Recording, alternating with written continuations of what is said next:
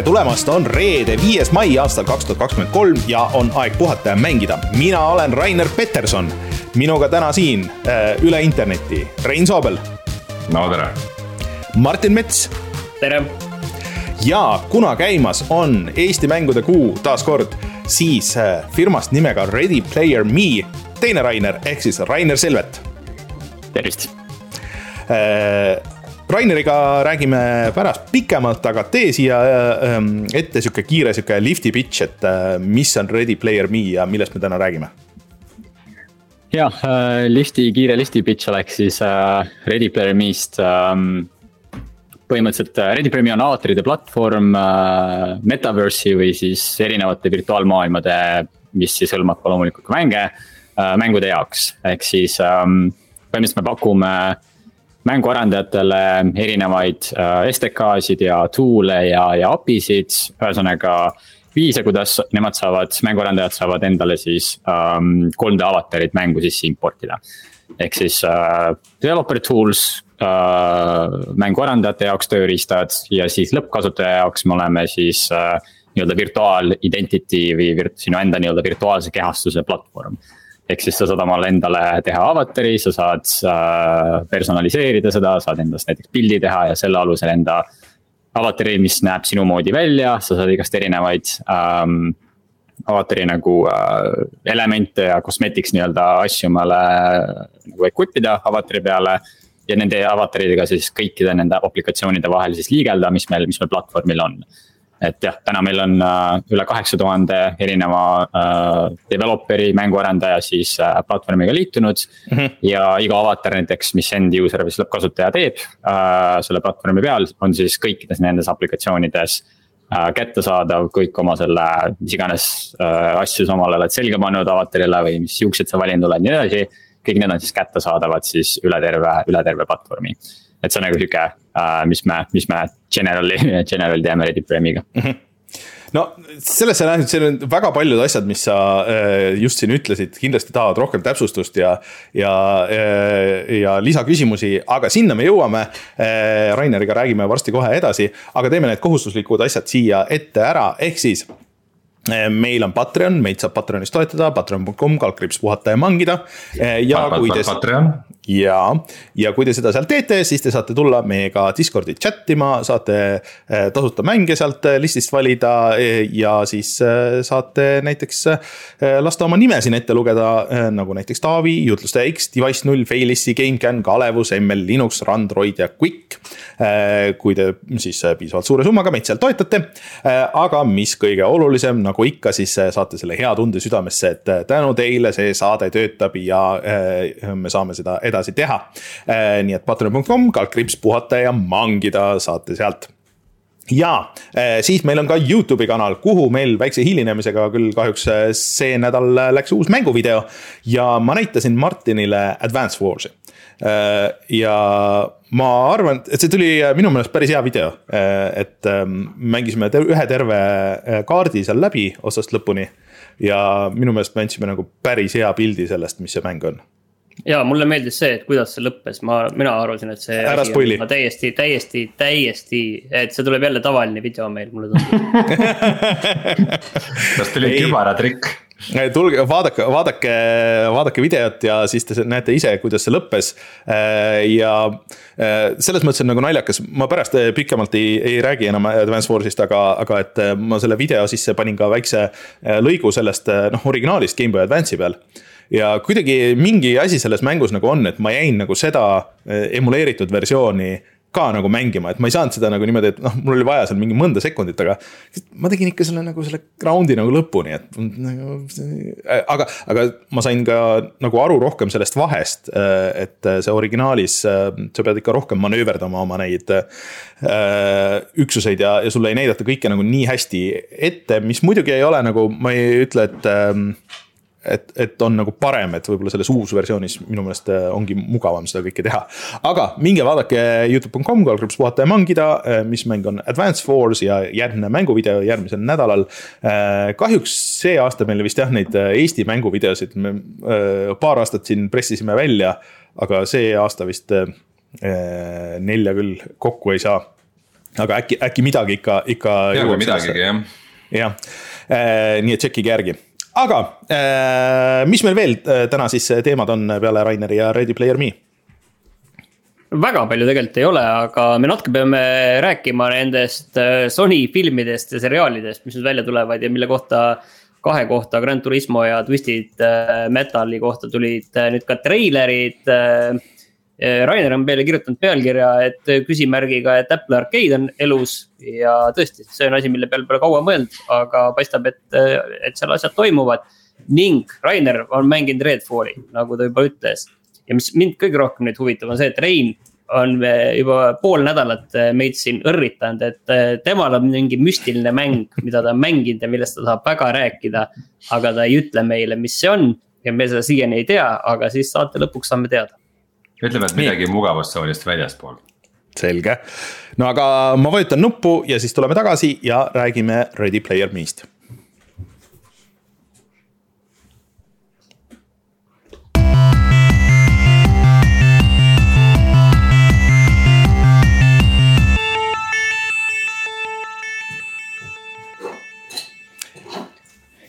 niisiis, äh, Rainer, sa rääkisid äh, selle lifti äh, pitch'i rääkisid ära, aga, aga mm, kuhu sealt edasi?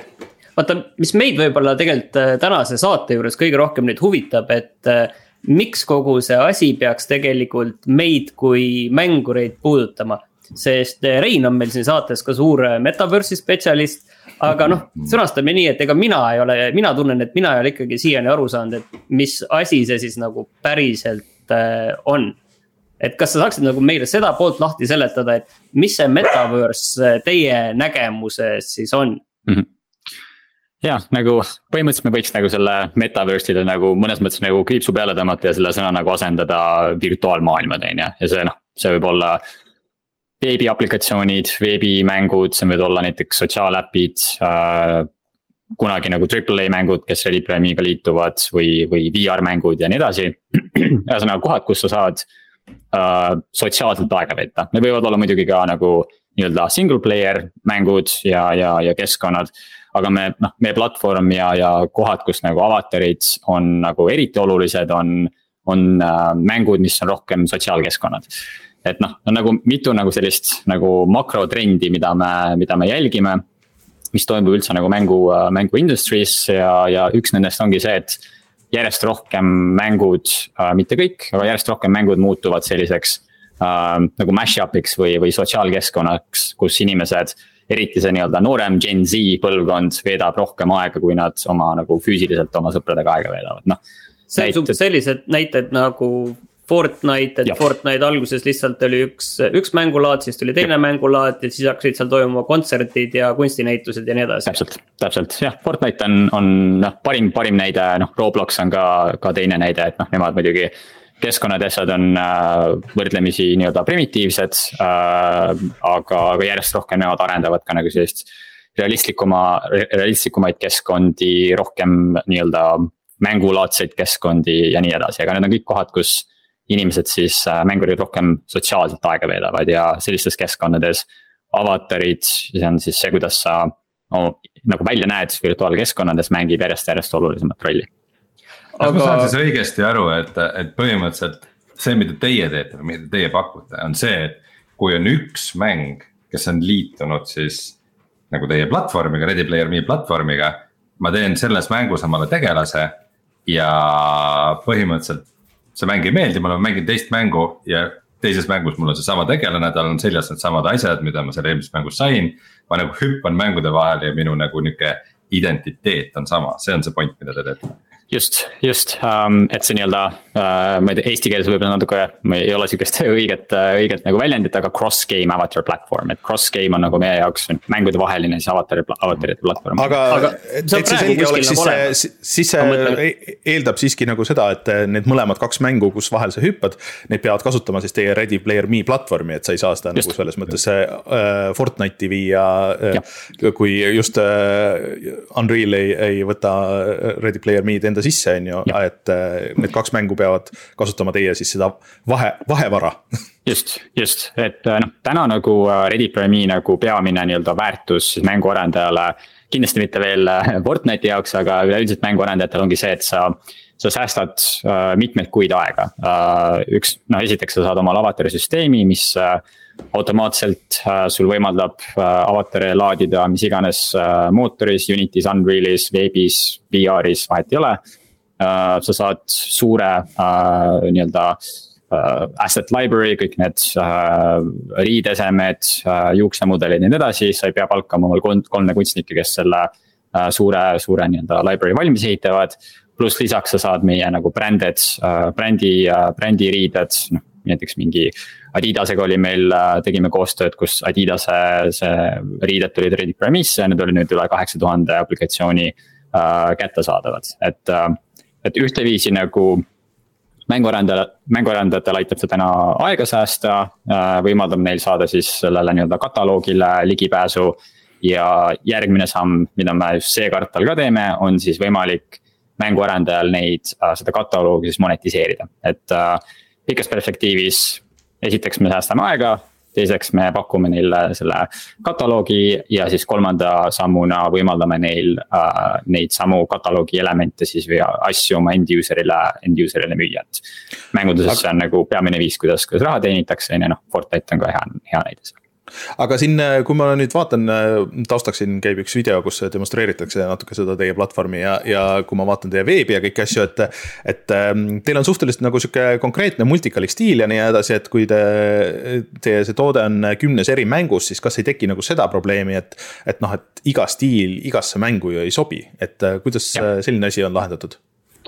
Jah, äh, see hetkestiil, noh, põhimõtteliselt meil on nagu hetkel ongi Ready Premise selline üks nii-öelda Ready Premise stiil ja selle stiili nagu valiku me tegime äh,. kaks aastat tagasi, kui me platvormi ehitama hakkasime äh,, nagu sellise, sellise nagu äh, kuidas ma ütlen, sellise stiili järgi, mis sobiks nagu paljudesse mängudesse, see kindlasti ei sobi kõikidesse. aga see sobib piisavalt paljudesse mängudesse aga äh, muidugi nagu, kui me räägime nagu stiilist, ühes, ühes mängus võib olla nagu äh, selline meil hetkel on stiliseeritud avatar, meie teised mängud on kõvasti, kõvasti realistlikumad. või mõnedes mängudes on üldse sellised voxel kuubiku äh, karakterid või mis iganes.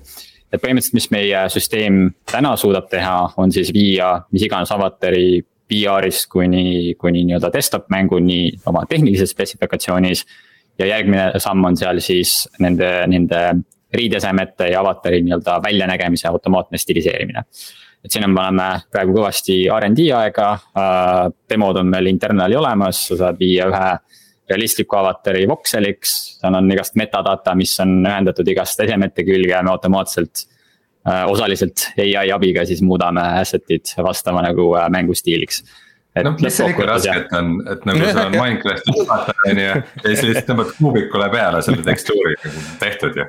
pikseldad ära, blurrid ära ja siis tõmbad selle piksliteks ja siis äh, niimoodi ta läheb. no Aga... muidugi mängides, mängides Call of Duty Warzone'i, vaata seal ma küll nagu väga ette ei kujutaks, kuidas multikalik avatar selleks äh, ülidetailseks äh, õhinal sõduriks saaks, kellel siis mingisugused flare'id ja granaadid on äh, vöö vahel ja iga, iga mingisugune taskuklamber on näha, et mingisugune sajaliikmeline tiim on seda modelleerinud jah, et noh, kindlasti nagu äh, noh, rääkides näiteks, näiteks nagu äh, Warzone või Fortnite või mis iganes, siis nagu neil on see nagu hetkel väga-väga hard sell või noh, sellise nii-öelda kaliibriga mängude jaoks mm. -hmm. aga mis nende jaoks tegelikult on huvitav, on selline, no kui me räägime nagu interoperability'st või siis sellest, et avatarid ühest mängust teise liiguvad siis nende jaoks on tegelikult huvitav ka see, et nende avatarid tulevad nende keskkonnast välja Prime'i platvormile. ehk siis mm. äh, Fortnite'i avatarid täna ainult Fortnite'is kinni, aga Fortnite'i avatarid Prime'i kaudu võivad saada tuhandetesse uutesse äppidesse ja Epic Games'is sellisel puhul saaks. saaks oma brändi siis viia, viia metaverse'i et noh, täna näiteks kui brändid tulevad platvormile või, või mõned mänguarendajad, siis nende nagu, osad isegi ei ehita enda mängu, aga neid huvitabki see, et nende. Nende bränd saab siis virtuaalmaailmadesse nagu ühe integratsiooniga. ehk siis sa tood oma asset'id Reddit Premi platvormile.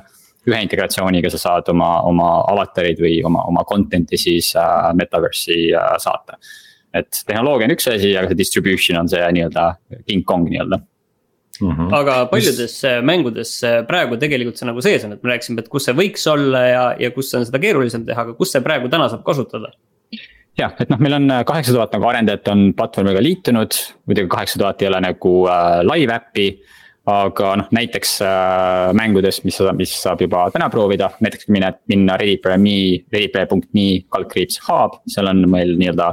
App Store'i laadne, laadne keskkond, kus sa saad erinevaid aplik-, aplikatsioone vaadata. ja, ja peamised nagu äh, suurimad ähm, partnerid ja suurimad mängud on siis äh, näiteks VR chat Uh, nendega me integreerisime siin kuskil poolteist aastat tagasi uh, suurim uh,, suurim social VR keskkond, saad läbi Reddit Premium all VR chat avatari teha. ja, ja hiljutistest näiteks miniroyal.io, mis on üks suurimaid veebis kättesaadavaid nii-öelda shooter FPS arena tüüpi nii-öelda mänge ja hiljuti on tegelikult päris palju tulnud ka tähelepanu erinevatest äh, sotsiaaläppidest äh,. Wink ja Omlet, kui kellelegi need nimed midagi ütlevad, ühesõnaga. sul on võimalik näiteks äh, VTube ida oma avatariga või sotsiaalkeskkondades äh, erinevaid, erinevate inimestega läbi avatari, avatari suhelda ja nii edasi. et noh, long term lihtsalt järjest rohkem meie tehnoloogia areneb ja järjest rohkem nii-öelda kõrgema kaliibriga mänge meie platvormiga liituvad ja kogu see nii-öelda RD ja, ja, ja arendus lähebki siis selle nii-öelda avatari süsteemi ja, ja selle. nii-öelda selle library ja siis brändide ja nii edasi peale, et me saaks järjest kõrgema kvaliteediga partnereid, ehk siis mänguarendajaid äh, Reddit Premise. aga teie ma... kliendid, ma saan aru, on praegu täna ikkagi suuresti on need mänguarendajad, mitte nii-öelda lõppkasutaja. jah, äh, noh, kuidas meil nagu ärimudel töötab, on äh, esiteks me anname Read Premium kõigile tasuta, see on lõppkasutajatele tasuta ja see on ka mänguarendajatele täiesti tasuta äh, integreerida. sa oled täna mänguarendaja, sa võid registreerida ja sa saad Read Premiumi autorisüsteemi omale mängu. ja kuidas me monetiseerime, on siis läbi nii-öelda B2B2C ehk siis läbi siis äh, lõppkasutajate, kes siis neid mänge äh, mängivad. näiteks sa lähed meie noh, näiteks Minireal, meie partner, partnermängu, sa otsustad seal osta mingisuguse Äh, mingisuguse kosmeetilise eseme. ja siis selle revenue share, mis on Reddit.me ja Reddit.me poolt toetatud, läheb siis jagamisele Reddit.me, mänguarendaja ja siis tulevikus ka kogu, äh, kogu selle uh, mänguarendajate nii-öelda pool'iga, mis meil platvormil on, ehk siis revenue share lõppkasutaja poolt ostetud siis kosmeetilist, kosmeetilistest esemetest aga kas te näete nagu tulevikus, et, et, et see on ikkagi miski, mida mängijad teavad, et oh lahe, et see on see Ready Player Me mäng, et äh, ma muidu seda shooter'it ei mõelnud, mõelnud mängida, aga ma, see on see Ready Player Me mäng, siis ma küll mängin. et ja. sa näed, näed, et te olete ka sihuke nagu äh, iga mänguri kodus olev bränd jah, lõppkokkuvõttes küll, aga noh, hetkel nagu meie, meie fookus on äh, peaaegu sada protsenti äh, mänguarendajatele kõige parema nii-öelda tool'i ehitamine, et äh,. meil võiks olla nagu igast lahedaid nii-öelda lõppkasutaja featuure seal hub'is ja mujal, aga see on kind of useless, kui meil ei ole mänguarendajat platvormil, ehk siis see nii-öelda utility ja see nii-öelda kasutus ja oma materjal tuleb sellest, kui meil liitub järjest rohkem, rohkem mänge, et siis me oleme laser, laserfookuses sellele, et arendada piisavalt palju ja häid äh, STK-sid ja, ja API-sid ja nii edasi, mida mänguarendajad siis kasutavad. ma korra küsin sihukese spetsiifilisema, võib-olla isegi nagu liiga tehnilise küsimuse, et kas te pakute ainult, ainult siis seda nagu visuaalset skin'i poolt või, või kui äh, mäng, äh, mänguarendaja liidab selle enda mängu, siis kas äh, seal tulevad kaasa ka animatsioonid ja mingisugused reaktsioonid ja sellised asjad. ja kas neid saab ise nagu lisada sinna või on, on, kui sa lisad Ready Player Me avatarit, siis kas sa oled nagu lukus selles infras? ja, hea küsimus, ähm, põhimõtteliselt noh, me üritame nagu um,, me oleme avatud platvorm, ehk siis sa saad Reddit Premiumi avatari kasutada, isegi avatari nii-öelda lingid on avalikult kättesaadavad uh,. et on meil palju arendajaid, kes lihtsalt võtavad ja ekspordivad mingisuguse nii-öelda NPC karakteri ja, ja nad, neid ei huvita platvorm, et noh. see on nagu täiesti okei okay, uh, kasutaja nagu meie, meie silmis nagu hea, hea developer samamoodi aga, aga mänguarendajana jah, kui sa saad avatari, äh, meie süsteem siis impordib selle avatari mängu, me pakume STK-d ka selleks. ja siis mänguarendajana sina saad siis defineerida äh,, meil on mingi üle, üle kümne parameetri, mis siis defineerib selle tehnilise spetsifikatsiooni, me automaatselt muudame su asset'id erinevatesse nii-öelda polycount idesse, tekstuuri resolutsiooni genereerime ja nii edasi et selles nii-öelda wild west'is, mis on mängumootorid, siis äh, igal pool nagu õigesti, õigesti toimida. ja, ja noh, täna, kui sa tahad näiteks tuua mingisuguse riideseme platvormile, siis meil on äh, stuudio tool, mis võimaldab sul siis selle kas käsitsi teha ja siis äh, upload ida. või siis me äh, ehitame ka, ka nii-öelda tool'e, mis võimaldab sul nii-öelda disainida siis oma, oma asset eid, aga noh, üldiselt jah, et sa pead ikkagi jälgima meie, meie standardit, meie spetsifikatsiooni aga samas me teame ka seda, et on äh, paljud stuudiod, kellel on, on mingi oma skinning ja oma rigging ja oma väga spetsiifiline tehniline spetsifikatsioon. me paneme ka arendid sellesse, et võimaldada nagu äh, mis iganes mänguarendajal nii-öelda importida oma, oma spec ja siis me paneme, paneme asjad back-end'is äh, tööle, nii et see igal pool tuhandetes äppides no. töötab kui ma õigesti aru saan, siis kui ma siin taustal sellel ajal, kui sa rääkisid, siis ma tegin enda avatari, et kui ma tahan, siis ma võiks selle nüüd sinna alla tõmmata ja siis, äh, siis äh, hakata VTuberiks äh, lihtsalt äh, Ready Player Me avatariga, pannes custom animatsioonid siia äh, külge, ma saan, et ma saan siit nagu tõmmata selle alla ja, ja ongi juba korras, jah? jah, jah, seal on äh, näiteks avataril on küljes läbi API saad veel defineerida üle, üle, üle saja erineva blend shape'i või morph target'i, mis võimaldab sul näoanimatsioone teha uh,. jah, karakteri see skeleton on, on selle sees ja umbes kuu aja pärast me uh, launch ime ka uue animatsioonide back'i, ehk siis see on uh, uh, umbes kolmsada animatsiooni, mida siis mänguarendajad saavad tasuta isegi väljaspool Reddit Pyramid oma avataride jaoks kasutada. tegime ühe suure mm. Suure motion capture sessiooni uh, siin aasta, aasta alguses, et järjest rohkem anname selliseid nii-öelda goodie sid uh, developer idele, mis nad saavad kasutada oma mängudes kaugel see aeg on, kus ütleme niiviisi, et kuidas teil nagu roadmap ette näeb, et mis on see kriitiline hulk mänguarendajaid, mis teil peaks äh, taga olema, et see süsteem nüüd läheks äh, lendu uh,? kaheksa tuhat tundub palju tegelikult, aga, aga noh, ma saan aru, et see mõnes mõttes on vähe. jah, jah, ühesõnaga meie nagu peamine nagu äh, noh meetrik või mida me jälgime, noh, see nii-öelda num-, developer'ide arv otseselt ei ole nagu selline kõige parem indikatsioon sellest, et kas asi töötab, on ju, kui sul on kümme tuhat developer'i ja. Nad ühtegi mängu nagu välja ei pane, siis, siis see ei ole nagu väga väärtuslik, eks ole. Meie nagu peamine nagu uh, see, see number, mida me mõõdame, on siis aktiivsed arendajad, ehk siis aktiivsed arendajad, kes on uh, hakanud ühel või teisel viisil seda tehnoloogiat reaalselt kasutama ja noh, meil on muidugi äh, äh, revenue target'id ehk siis, mis on see nii-öelda. noh, ei pea nagu hullult raha teenima, et näha, et see süsteem töötab, aga me peame nä nägema seda, et. et mänguarendajad suudavad Reddit Premit kasutada äh, lisaraha teenimiseks, et äh, kui sul täna näiteks ei ole avatari süsteemi või, või kosmeetikat ei müü või müüd relvaskin'e või tahad, ma ei tea. Adidase mütse ka müüa, siis sul on võimalik siis Reddit Premiga äh, rohkem raha teenida äh,. see on nagu see inflection point, äh, kus me, kus me näeme, et äh, reaalselt see nagu ärimudel praktikas äh, tänapäeva nagu mängude jaoks ka, ka töötab. Sorry, aga mina oleks tahtnud pakkuda muidugi, et see on mikromaksete käive on see kõige suurem asi, aga, aga siin on see ühe asja, lihtsalt tahan ära öelda, et siin. see, see maailm on nagu äh, hästi keeruline, et hästi palju elab selliste vaalade peal, kes teevad selle suure osa müügist. ja sellega juba tegelevad tegelikult need arendajad, et neid vaalu äh, kätte saada, et teistpidi teil nagu mõnes mõttes puudub jälle selle üle kontroll. et teil, teie jaoks on oluline, et kui aktiivne ja, ja kui, kui suurt käivet see arendaja tegelikult ise suudab teha. just, jah, me oleme, me oleme nagu peaaegu nagu sajaprotsendiliselt täna sõltuvuses äh, mänguarendajate nii-öelda mitte ainult käibest, aga lihtsalt mänguarendajate nagu edukusest. mis on tegelikult meile väga hea, kuna see paneb meid kui ettevõtet positsiooni, kus me peame kõik tegema selleks, et mänguarendajate elu ja, ja, ja, ja siis muidugi ka revenue nagu paremaks viia. et see noh, paneb nagu meid õigesse nagu joonde, mis, mis siis äh, on, on üks-ühele vastavuses siis sellega, mida, mida mänguarendaja soovib. ja tuleb, aga käed on puhtad aga kui palju teil arendusest. vahendate relvaskin'e ka või? ei äh,, täna mitte äh,, praegu mul on ainult, ainult riided, aga kunagi jõuame igast muude tiluliludeni ka aga kui palju teil arendusest üldse Eestis äh, toimub versus äh, siis ülejäänud terves suures maailmas?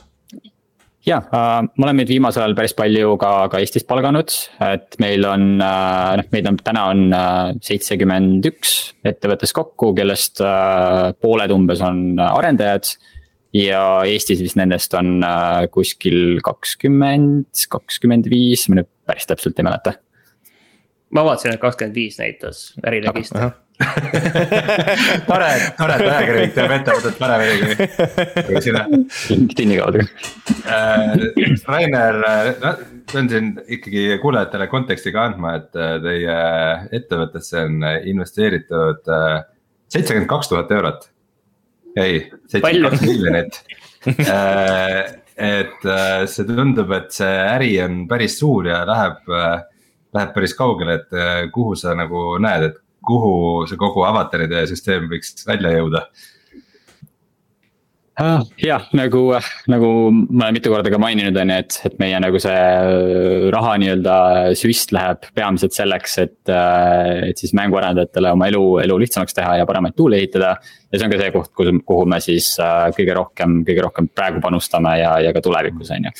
aga noh, pikas perspektiivis nagu noh, täna sa lähed ja Reddit Premise'e, sa näed omal seal avatari, saad avatari teha, aga nagu pikas perspektiivis me muutume järjest rohkem äh, selliseks infrastruktuuri tasandiks, ehk siis äh, me laseme tuua väljaspoolt avatarsüsteeme, need võivad olla NFT collection'id, need võivad olla äh, mänguarendaja eksisteerivad äh, mingisugused asset'id ja nii edasi.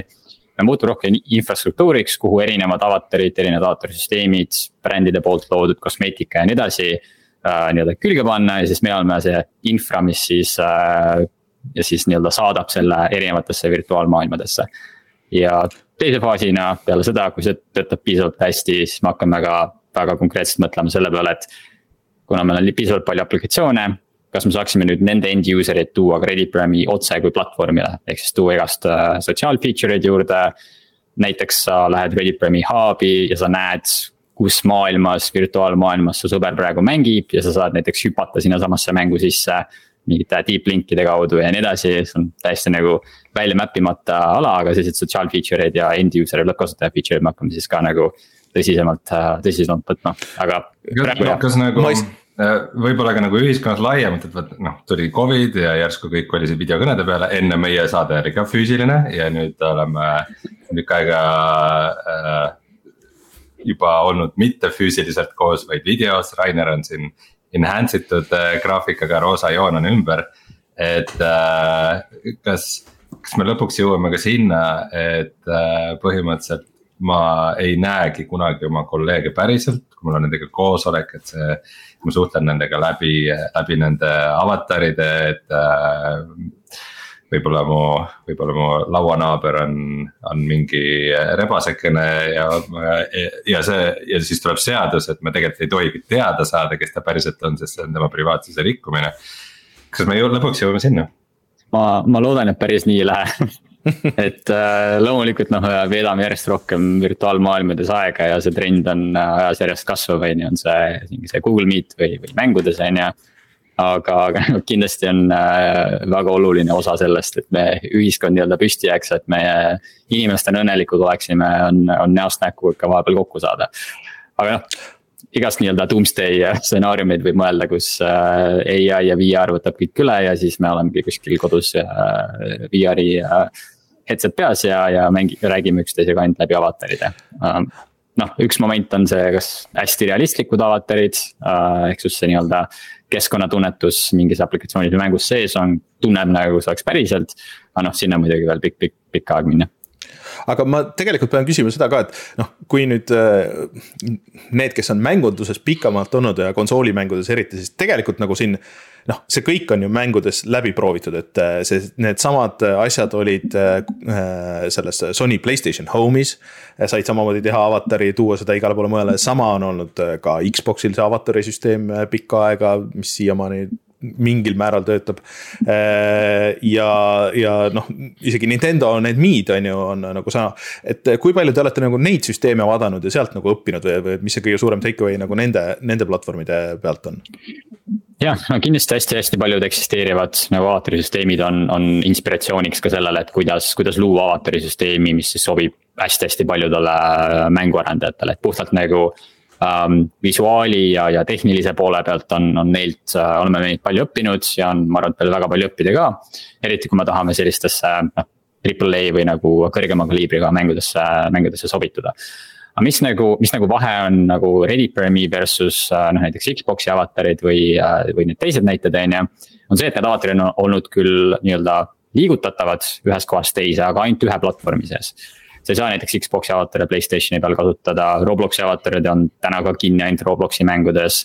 Fortnite'i avatarid on kinni ühes kohas äh,, inimesed, kes ostavad omale mingisuguse asset'i Warzone'is on ju, siis äh, Call of Duty mingis muus mängus äh, seda nagu kätte ei saa, on ju, et noh, isegi kui nii-öelda visuaali poole pealt mängud oleksid ühe, ühe oleks nagu äh, sobituvad, sa peaksid sedasama elemendi või seda asset'i nagu uuesti ostma, on ju. mis noh, lõppkasutaja jaoks see, see ei ole nagu väga loogiline. et noh, üks moment oli näiteks isegi nagu, see oli vist Playstationi peal, kus sul on äh, Fortnite Playstationi peal ja Fortnite desktopi peal kui sa tahad mõlemas selles äh, versioonis sama kasutaja pealt sama asset'it omada, sa pead mõlema platvormi peal äh, selle uuesti ostma. et need nii-öelda noh, meie nagu moto ongi see, et break down walls to build a more connected virtual world ja see nii-öelda seinad, mida me tahame maha lõhkuda, ongi need uh,. Need, need seinad siis nende platvormide vahel, mis, mis täna keelavad siis uh, erinevatel asset itel ja avataridel ühest kohast teise liikuda aga, aga mis sa, mis sa näed nagu kõige suurema riskina selle juures, et see asi ei, ei hakka toimima, et mis võib saada nagu takistuseks kõige selle juures? jah, no riske on muidugi palju uh,, noh kõige nagu olulisem asi, mis me peame tõestama ja kindlasti sellest tuleb hästi palju erinevaid iteratsioone, esimene versioon kohe kindlasti ei, ei tööta päris nii, nagu me seda arvame. ongi see, et um,, et um, nii-öelda cross-game või siis mängude vahelised uh, kosmeetilised esemed müüvad rohkem või siis teevad uh, lõppkasutaja, mänguarendajale siis rohkem uh, teenivad rohkem raha sellega. noh, meie nagu hüpotees on selles, et kui uh,, kui sa ostad omale, omale laheda jope mida rohkem mängudes sa seda kasutada saad, äh, seda väärtuslikum äh, see ese on, selle nii-öelda utility või kasutus läheb, läheb kõrgemaks. ja mida rohkem meil platvorm kasvab, mida rohkem mänge on, kus sa saad seda, seda äh, jopet nii-öelda, jopet kanda. siis seda väärtuslikum on see jope lõppkasutaja jaoks. ja me näeme neid trende nagu täna näiteks Robloksi ja, ja Fortnite'i sees. Robloksi avatarid, kõik asset'id on kõikides äh, sadades tuhandetes Robloksi mängudes kasutatavad ja nüüd me tahame seda laiendada siis mitte ainult ühte konkreetsesse nii-öelda closed, kinnisesse ökosüsteemi, vaid üle, üle terve, üle, üle erinevate mängude aga kui palju nagu see tegelikult noh, kui sa räägid, me oleme siin saates ka palju sellest rääkinud, et kui sa paberil seda vaatad, siis see tundub väga loogiline. aga minu meelest siiamaani nagu ikkagi nagu nagu lõpptarbijad, mängijad, see nagu nii väga ei huvita, et väga paljud, kes mängivad Fortnite'i nagu väga ei hooli sellest, et nad saaks selle sinna Robloksi kaasa võtta või, või, või kuskile noh, no mingi Playstationi äh, avatariks panna endale Sa, või mis iganes. sihid nagu natuke sinna praegu on ju, et inimesed, kes kulutavad, ostavad endale mm, neljasaja eurose AK CS-GO-s, et nad ei ja. mängi Robloksi ja nad omakorda ei mängi Fortnite'i, et täna Just. need baasid ei kattu et äh, mõnes mõttes mina sain praegu aru, et, et selle idee on ikkagi see, et ennekõike see maha müüa arendajale ja siis sealt äh, siis sealt edasi tänu sellele neid, neid seinu murda. aga kindlasti. kindlasti see on nagu risk minu meelest ka, et, et raske on mm, kui sul neid, neid mängijagruppe, kes tegelikult on nõus kulutama ühe mängu sees, et neid nüüd nagu laiali tõmmata, et see ja. minu meelest on raske jah, jah, kindlasti nagu lõppkasutajaks on see pigem nagu see, et sul on oma, oma nii-öelda äh, inventory või asjade kogumik, mida sa, mida sa lõppkasutajana oma virtuaal, avatari virtuaalkehastuse jaoks omad, sa saad seda Libremi platvormil äh, kasutada. ja loomulikult jah, mm, me ei eeldagi seda, et nagu iga kasutaja tahab näiteks iga seda skin'i siis mis iganes teises mängus nagu kasutada um,.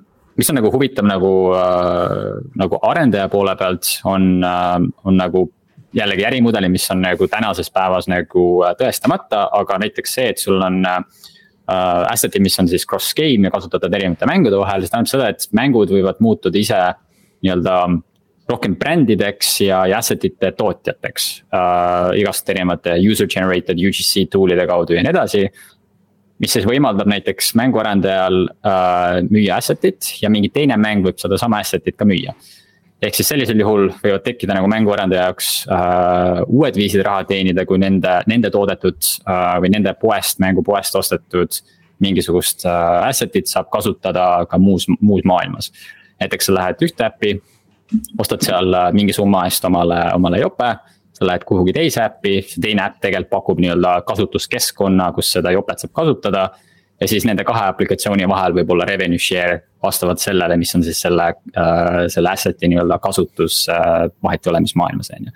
et see noh, see on tõestamata, et see nagu reaalselt äh, praktikas töötab, aga selline cross-game äh, keskkond nagu võimaldab sellistel uutel ärimudelitel äh, ka sündida nojah, see kõik on... meenutab mulle ühte sõnaühendit, mis, millest me oleme siin saates äh, väga vähe rääkinud, äh, peamiselt äh, vormis, kus Rainer äh, Peterson siis kirub midagi, ehk siis NFT.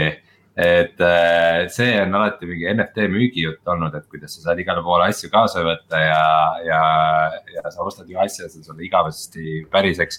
kui palju Ready Player Me see avatari süsteem on, on seotud NFT-dega, kas see on nagu miski, mida mis on kuidagi nagu nõutud või osa teie nagu DNA-st või see on miski, mida te toetate või kuidas sa üldse seda laiemalt näed? jah, see, ütleme nii, et see ei ole nagu tingi-, noh, ta on osa DNA-st kindlasti, me ei ole, me ei ole kaugeltki nagu krüptoettevõte uh,, meie nagu noh, tänapäeval, kui sa vaatad NFT nagu collection eid, siis selle nagu väärtus on selles, et sa saad seda kõrgema või vähem, väiksema raha eest maha müüa. seal nagu muud väärtust tihtipeale ei ole, okei okay,, võib-olla sulle see artwork või see nagu kunstiteos meeldib, noh, vaieldav, eks ole, võib-olla meeldib, okei okay, aga selle nii-öelda kasutus äh, nagu väljaspool seda on nagu võrdlemisi, võrdlemisi väike. et äh, mis me nagu, noh eriti kui nagu NFT ja, ja Web3 ja krüpto äh, buum oli, meie nagu nii-öelda stants NFT-de suhtes oligi see, et me platvormi kaudu siis võimaldame lisaväärtust NFT-dele, ehk siis näiteks kui sul on äh, meie esimene kollektsioon, mida me toetasime, oli koostöös äh, Deadmau5-iga ja see Music Artist kelle kollektsioon oli sellised suured 3D äh, hiirepead. ja noh, need omaette seal OpenSea's sa saad neid müüa ja trade ida, aga nendel muud nagu väärtust otseselt ei ole. aga nüüd, kui sa lähed Reddit Premise'e, sa saad selle 3D asset'i oma lavatari peale panna ja sellega tuhandetes aplikatsioonides ringi käia, ehk siis sulle võimaldas nagu see skin tuua siis NFT-na äh, erinevatesse mängudesse ja noh, sina lõppkasutajana omad seda oma, oma crypto wallet'is sa saad selle kellelegi maha müüa, see tähendab seda, et ühelt Ready-Premi kasutajalt liigub see teisele.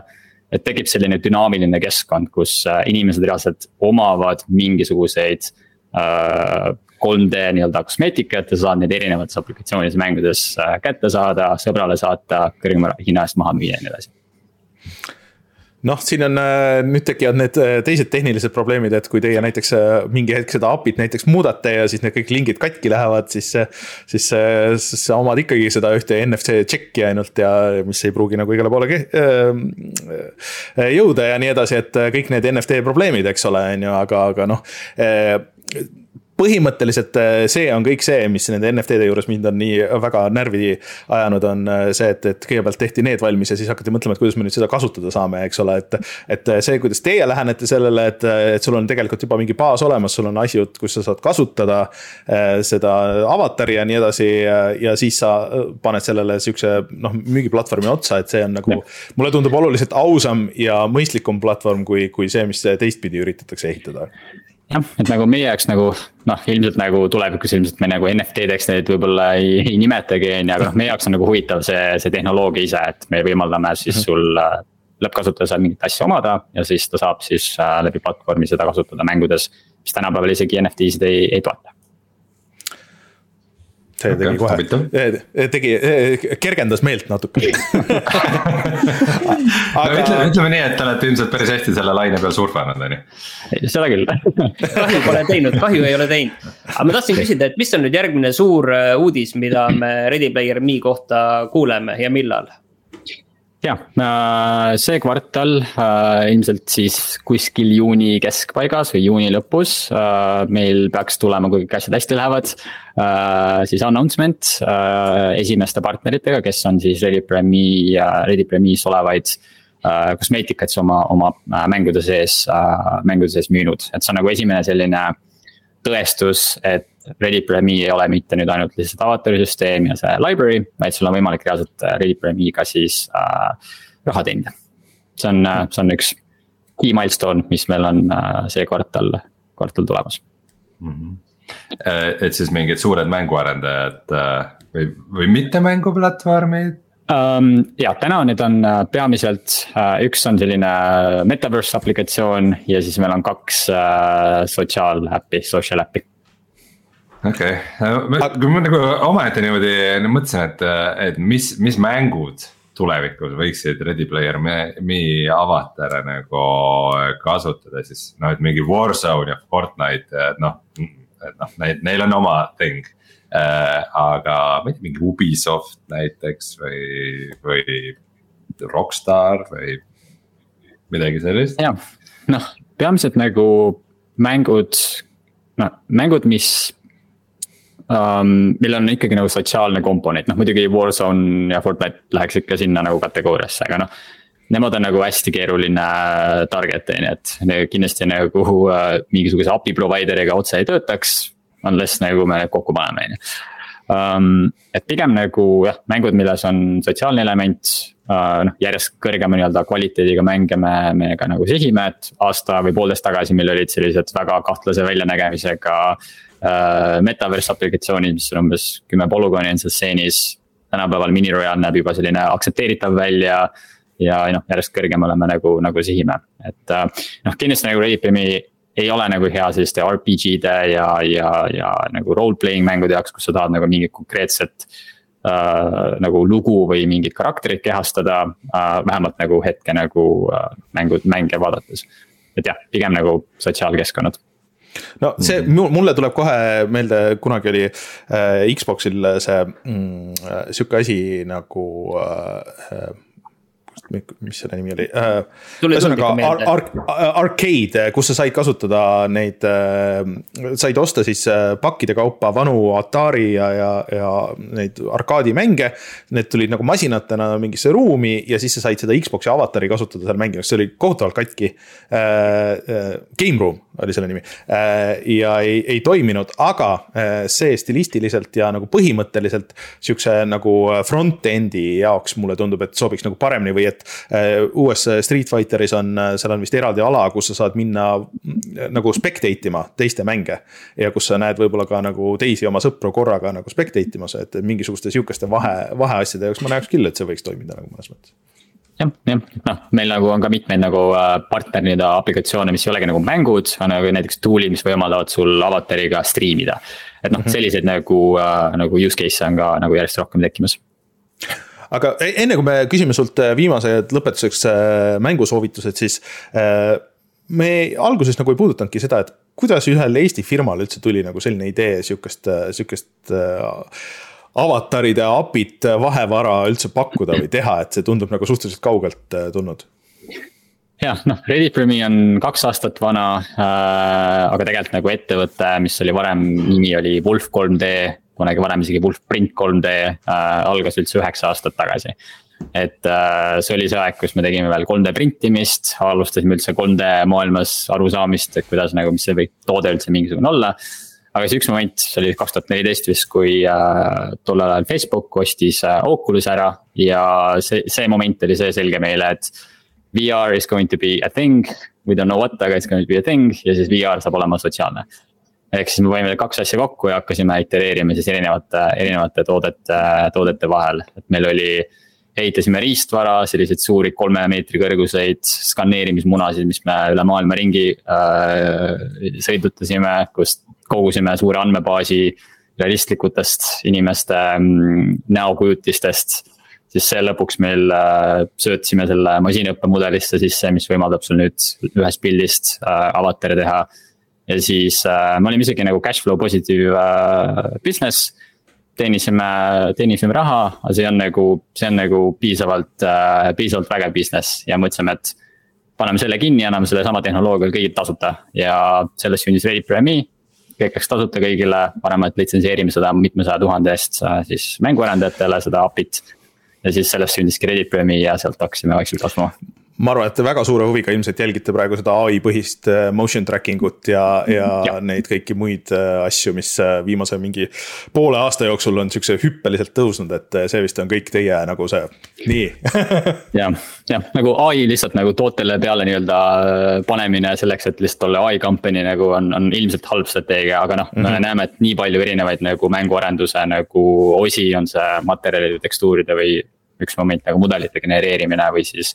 või siis kunstniku abistamine äh, on, on nagu kindlasti ai-ga nagu kõvasti kiiremini ja paremini, paremini tehtav um,. aga samas me tahame nagu, et platvormil jääb see nii-öelda creative control ka sellel inimesel, kes tahab nagu.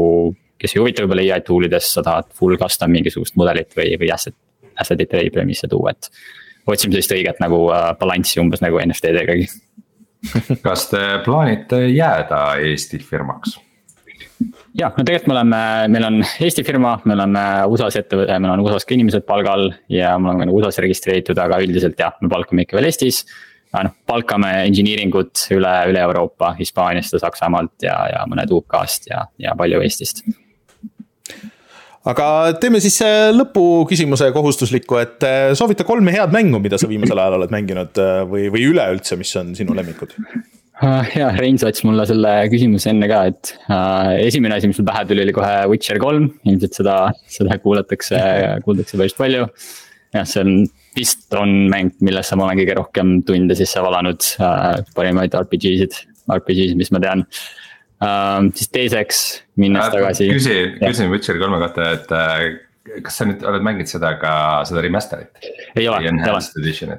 Ei ole jah, ma jõudsin selle nii-öelda tavaversiooniga lõppu umbes kuu aega enne seda, kui, kui see remaster tuli, siis mõtlesin, okei okay,, ma praegu ei viitsi uuesti, et ootan natuke aega hmm.. nii, nii, number kaks. ja teine äh,, minnes tagasi äh, rohkem lapsepõlve poole, Age of Empires kaks äh,. mäletan selle demo sai mängitud, map oli, üks map oli seal.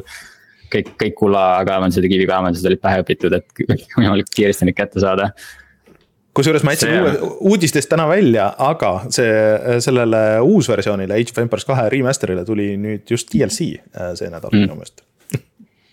kas seda saab nüüd mängida konsoolidega või? jah, ma isegi proovisin oh., ma mingi saade natuke rääkisin, et see on okay. Xbox'il ja Gamepassis äh, olemas täitsa. noh, cool okay Äh, see on, see on muidugi sihuke hea lapsepõlvemälestus on ju, et sa ei mängi mitte mingit mängu, vaid selle demo.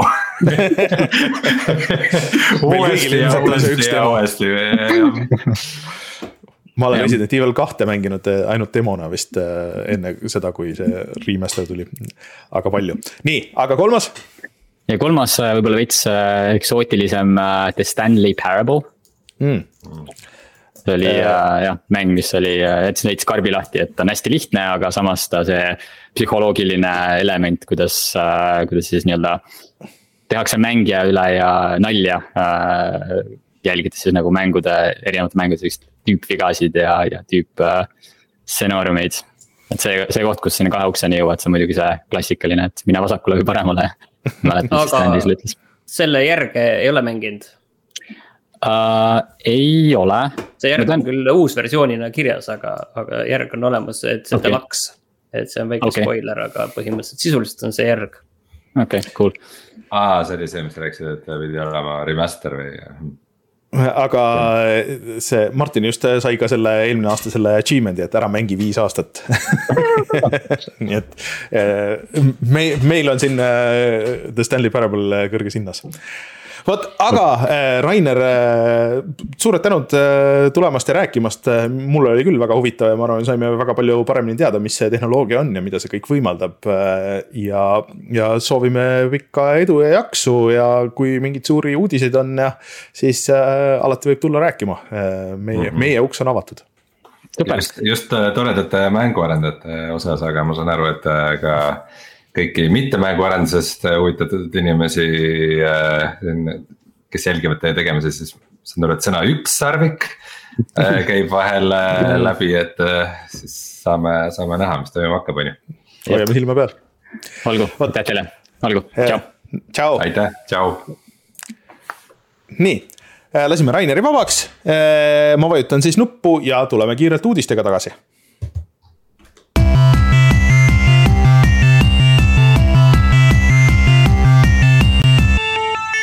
uudised. Õnneks äh, meil uudiseid on äh, sellel nädalal vähe. Äh, Martin, mis see esimene kõige suurem asi seal silma hakkas? No võib-olla see lihtsalt, et kogu see uus Star Wars Jedi Survivor mm., et seal on nagu ilgelt palju jamasid, et ma olen näinud, et on äh, juttu sellest, et arvuti peal on see siiani jõnksutab ja katki kuskil.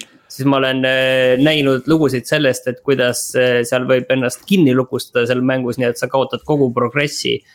pluss veel mingid võitlused, millega sa kaotad kogu XP, millest ma ei saanud isegi aru, et kuidas see kõik võimalik on, aga ühesõnaga. seal on nagu sellist jama on, tundub, et sellega eriti arvuti peal nagu ikkagi väga palju, tehnilist ja, jama. ma lootsingi, et ma see nädal juba saan sellest rääkida, sest et äh, järgmine nädal teatavasti tuleb Zelda, äh, mis äh, ma eraldi uudistesse ei pannud, aga on praegu juba ka lekkinud ja internet tahab spoil ida, aga, aga ma üritan sellest kõigest hoiduda. et see nädal tuli välja nii Redfall kui Jedi Survivor äh, ja mõlemad on erinevat moodi katki ja halvad. aga Jedi Survivorist mul on eriti kahju, sest et tegemist vist on nagu iseenesest väga hea mänguga ja väga hea järjega, mis on visuaalselt kohati väga ilus. aga katki igal platvormil et ma. ikka igal täitsa või? ja, ja ma ootasin ma olen kõige rohkem PC-d näinud. ma ootasin seda. no teistel platvormidel rohkem mingid väiksed stutterid ja asjad, aga PC oli ikka nagu nagu täiesti katki nagu, et, et Digital Foundry ütles, et äh, kõige halvem äh, Triple A PC port äh, sellel aastal, nagu veel et kui sul juba nagu selline asi on, et, et, et sul on need menüüvalikud, et olles nüüd viimasel ajal, eks ole, siis mänginud arvuti peal rohkem, et.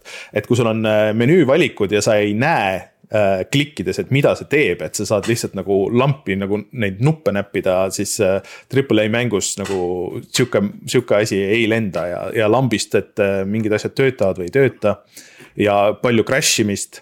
aga samas näiteks äh, meil siinsamas äh, chat'is olev Reio ütles, et tal on äh, AMD videokaart ja ta ütles, et tal ei olnud mingit probleemi, et kui jooksis stabiilselt rate tracing uga vist või ilma rate tracing uga, Reio täpsusta.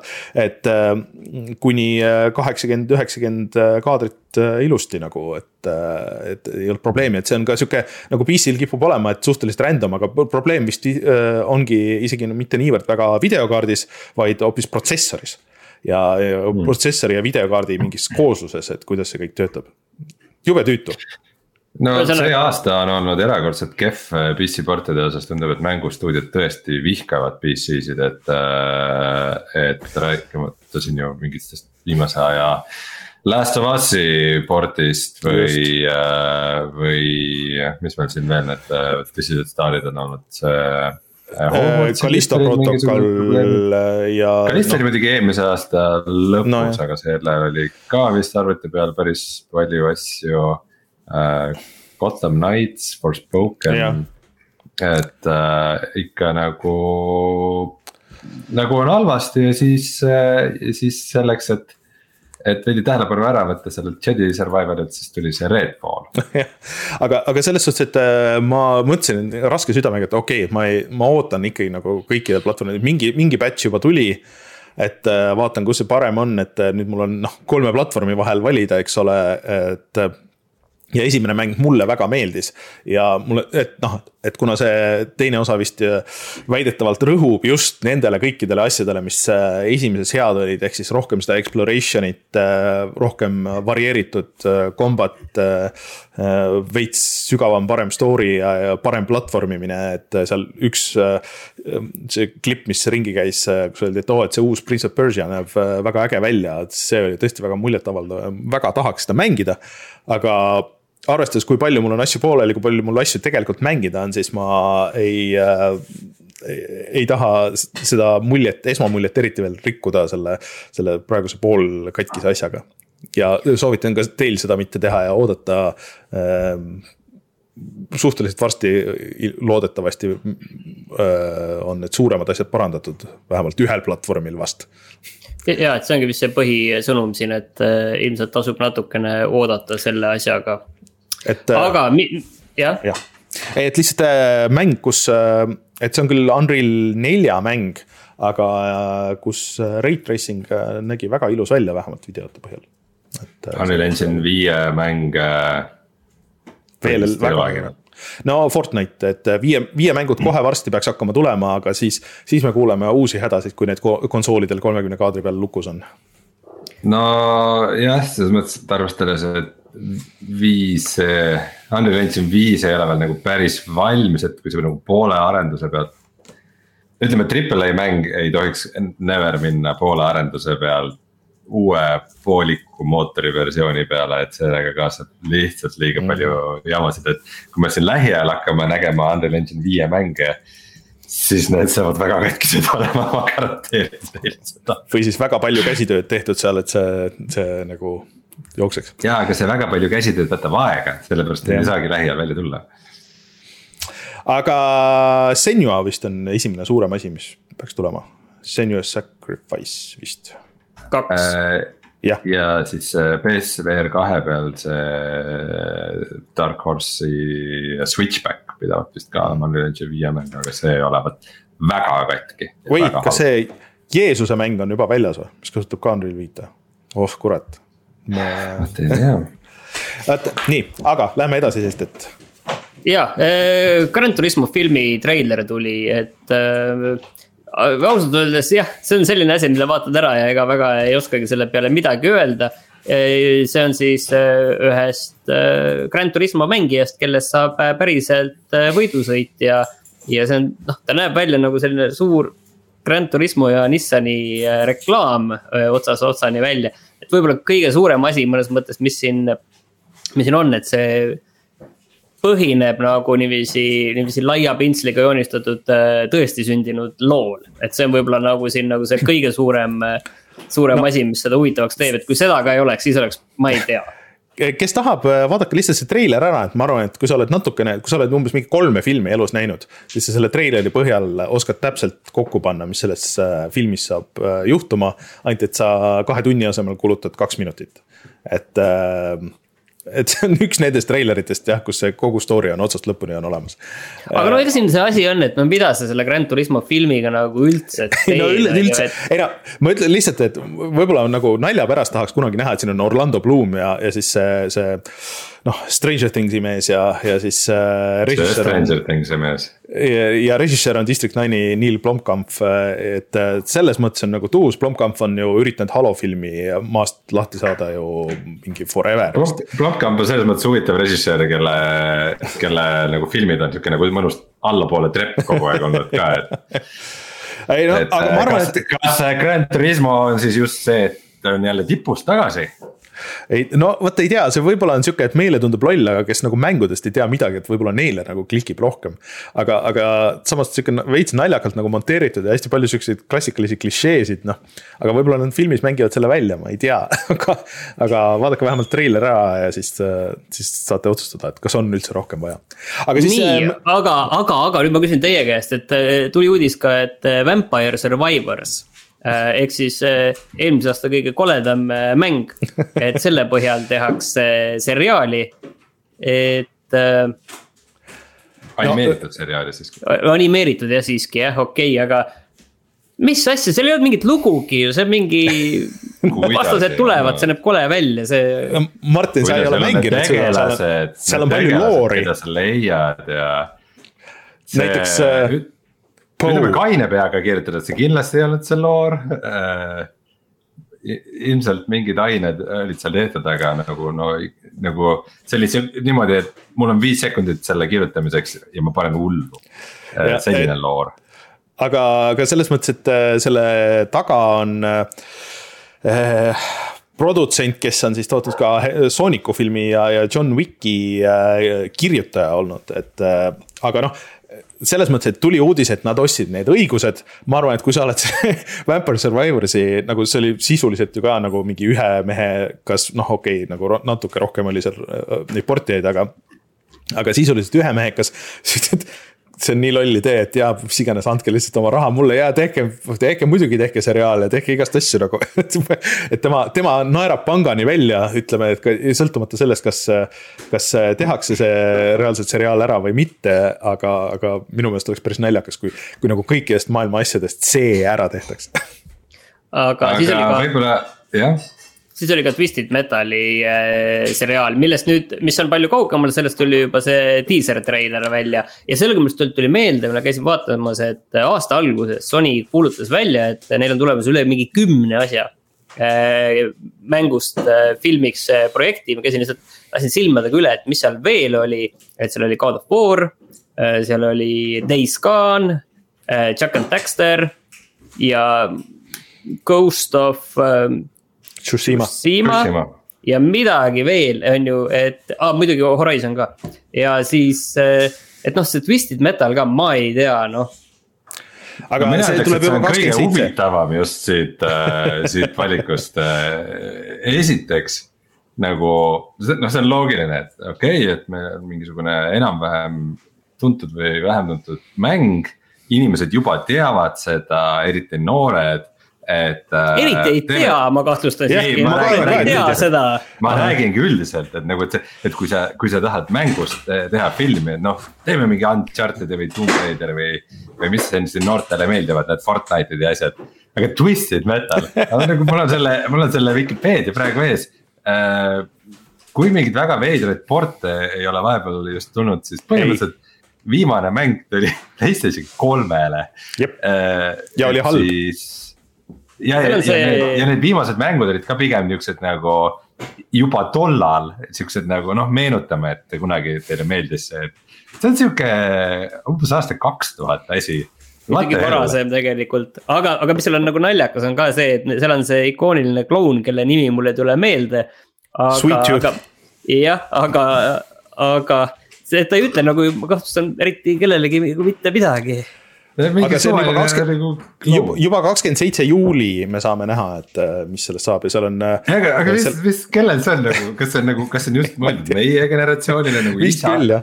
keskealistele aga... isadele, et mäletate A... seda mängu, mida te Playstation ühe peal mängisite? aga selles suhtes, et pange vaim valmis äh, Last of Us'il läks väga hästi seriaalil, Mariost sai just äh, kõige edukam äh, see animeeritud film vist läbi aegade äh, või kui, kui mitte päris, siis, siis ta on igatahes nagu teel sinna.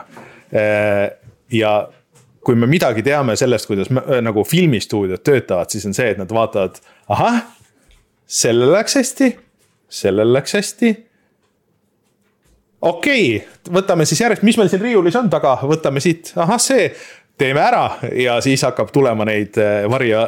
Plants neid... versus zombies Plants versus Zombies movie äh,. Featuring äh, Tom Hanks äh,. Bayoneta film kindlasti tuleb äh,, siis äh, Pikmin äh, saab kindlasti siukseks pikaks seriaaliks. Twisted Metalist rääkida no,, selles räägi. mõttes, et selle, selle valik tehti kindlasti juba varem.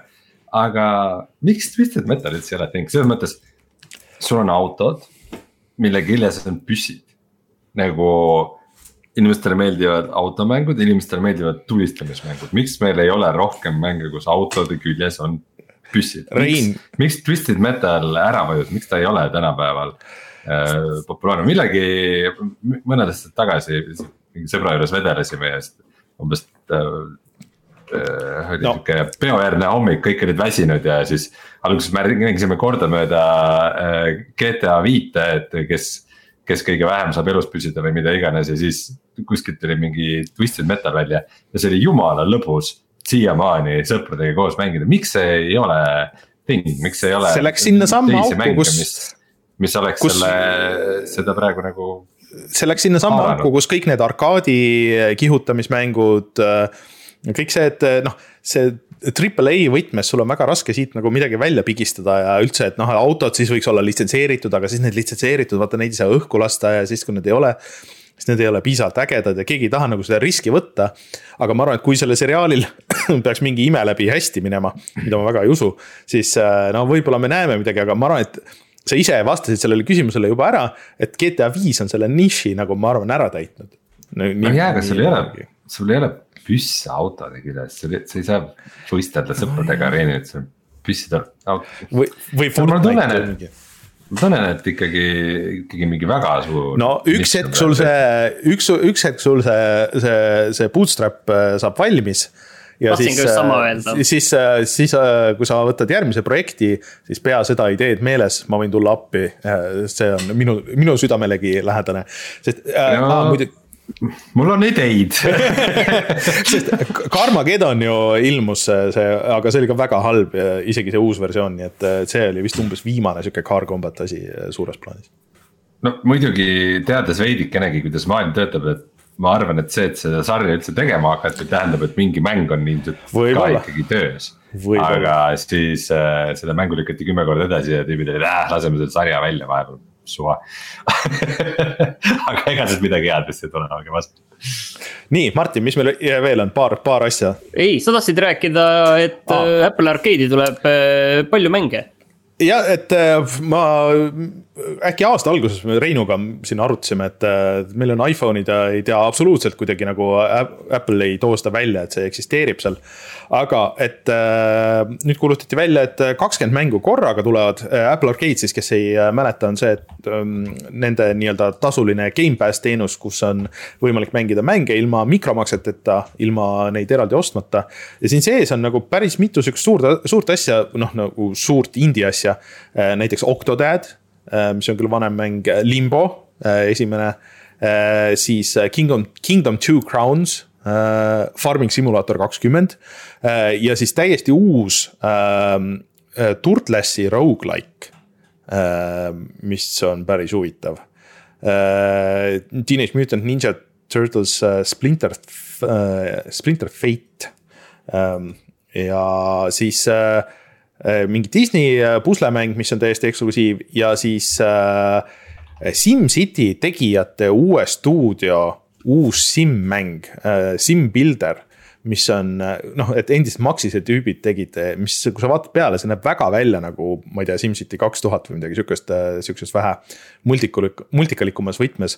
see on küll nagu päris huvitav ja ma loodan, et need, need mängud ei jää nagu sinna lukku, näiteks see väga huvitav Final Fantasy mäng, mis oli äh, päriselt pildistatud miniatuuride taustaga äh,, mis tegelikult nagu ei jõudnudki kuskile edasi, aga mis kõik kidsid, kes mängisid äh, seal Apple Arcade'is ütlesid, et jumala hea oli. Äh,, et äh, siin on asju ja mul on mõnes mõttes hea, hea meel, et see on olemas. Ah,, ja What the Golfi arendajatelt äh, uus mäng What the Car. Äh,. ma rohkem sellest ei tea, kui ainult see screenshot. Äh, kus on autol äh, all jalad ja ta jookseb mööda rongi ja see juba paneb natuke mõtlema, et äh, võib-olla ma peaks selle viieka ühe kuu eest ohverdama ja vaatama, mis, mis need mängud teevad.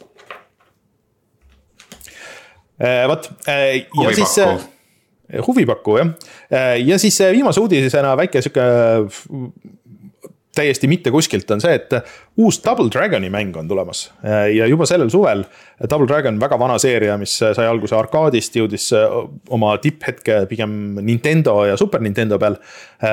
ja saab sihukese täiesti uue pikslise lisaosa juba sellel suvel sihuke noh, külje pealt kõnni ja klohmi stiilis mäng Äh, ja mul on hea meel, et siuksed mängud ähm, on teo-, teinud väikest siukest äh, tagasitulekut. ma lihtsalt ei leia praegu, et kes selle, kes selle arendaja on äh, kas see seriaal on tehtud või, ma ei mäleta. film on, film on olemas. mul tuli meelde, et nagu midagi nagu kuskil. aga see oli mingi üheksakümmend viis aasta film, mis oli täiesti kohutav, nii et see oli üks nendest, kui räägitakse kõikidest nendest halbadest filmidest, mis mängude põhjal on, on tehtud. aga vaatame, mis siis toimus aastal kaks tuhat kolmteist retro. kohe esimese asjana siin pealkiri on pandud GTA viie treilerid no see oli, see oli suur asi. oli äh, ja asi, mis kuskilt mujalt tuli läbi, mille ma olin täiesti unustanud, oli Peter Molyneux äh, kuubikumäng.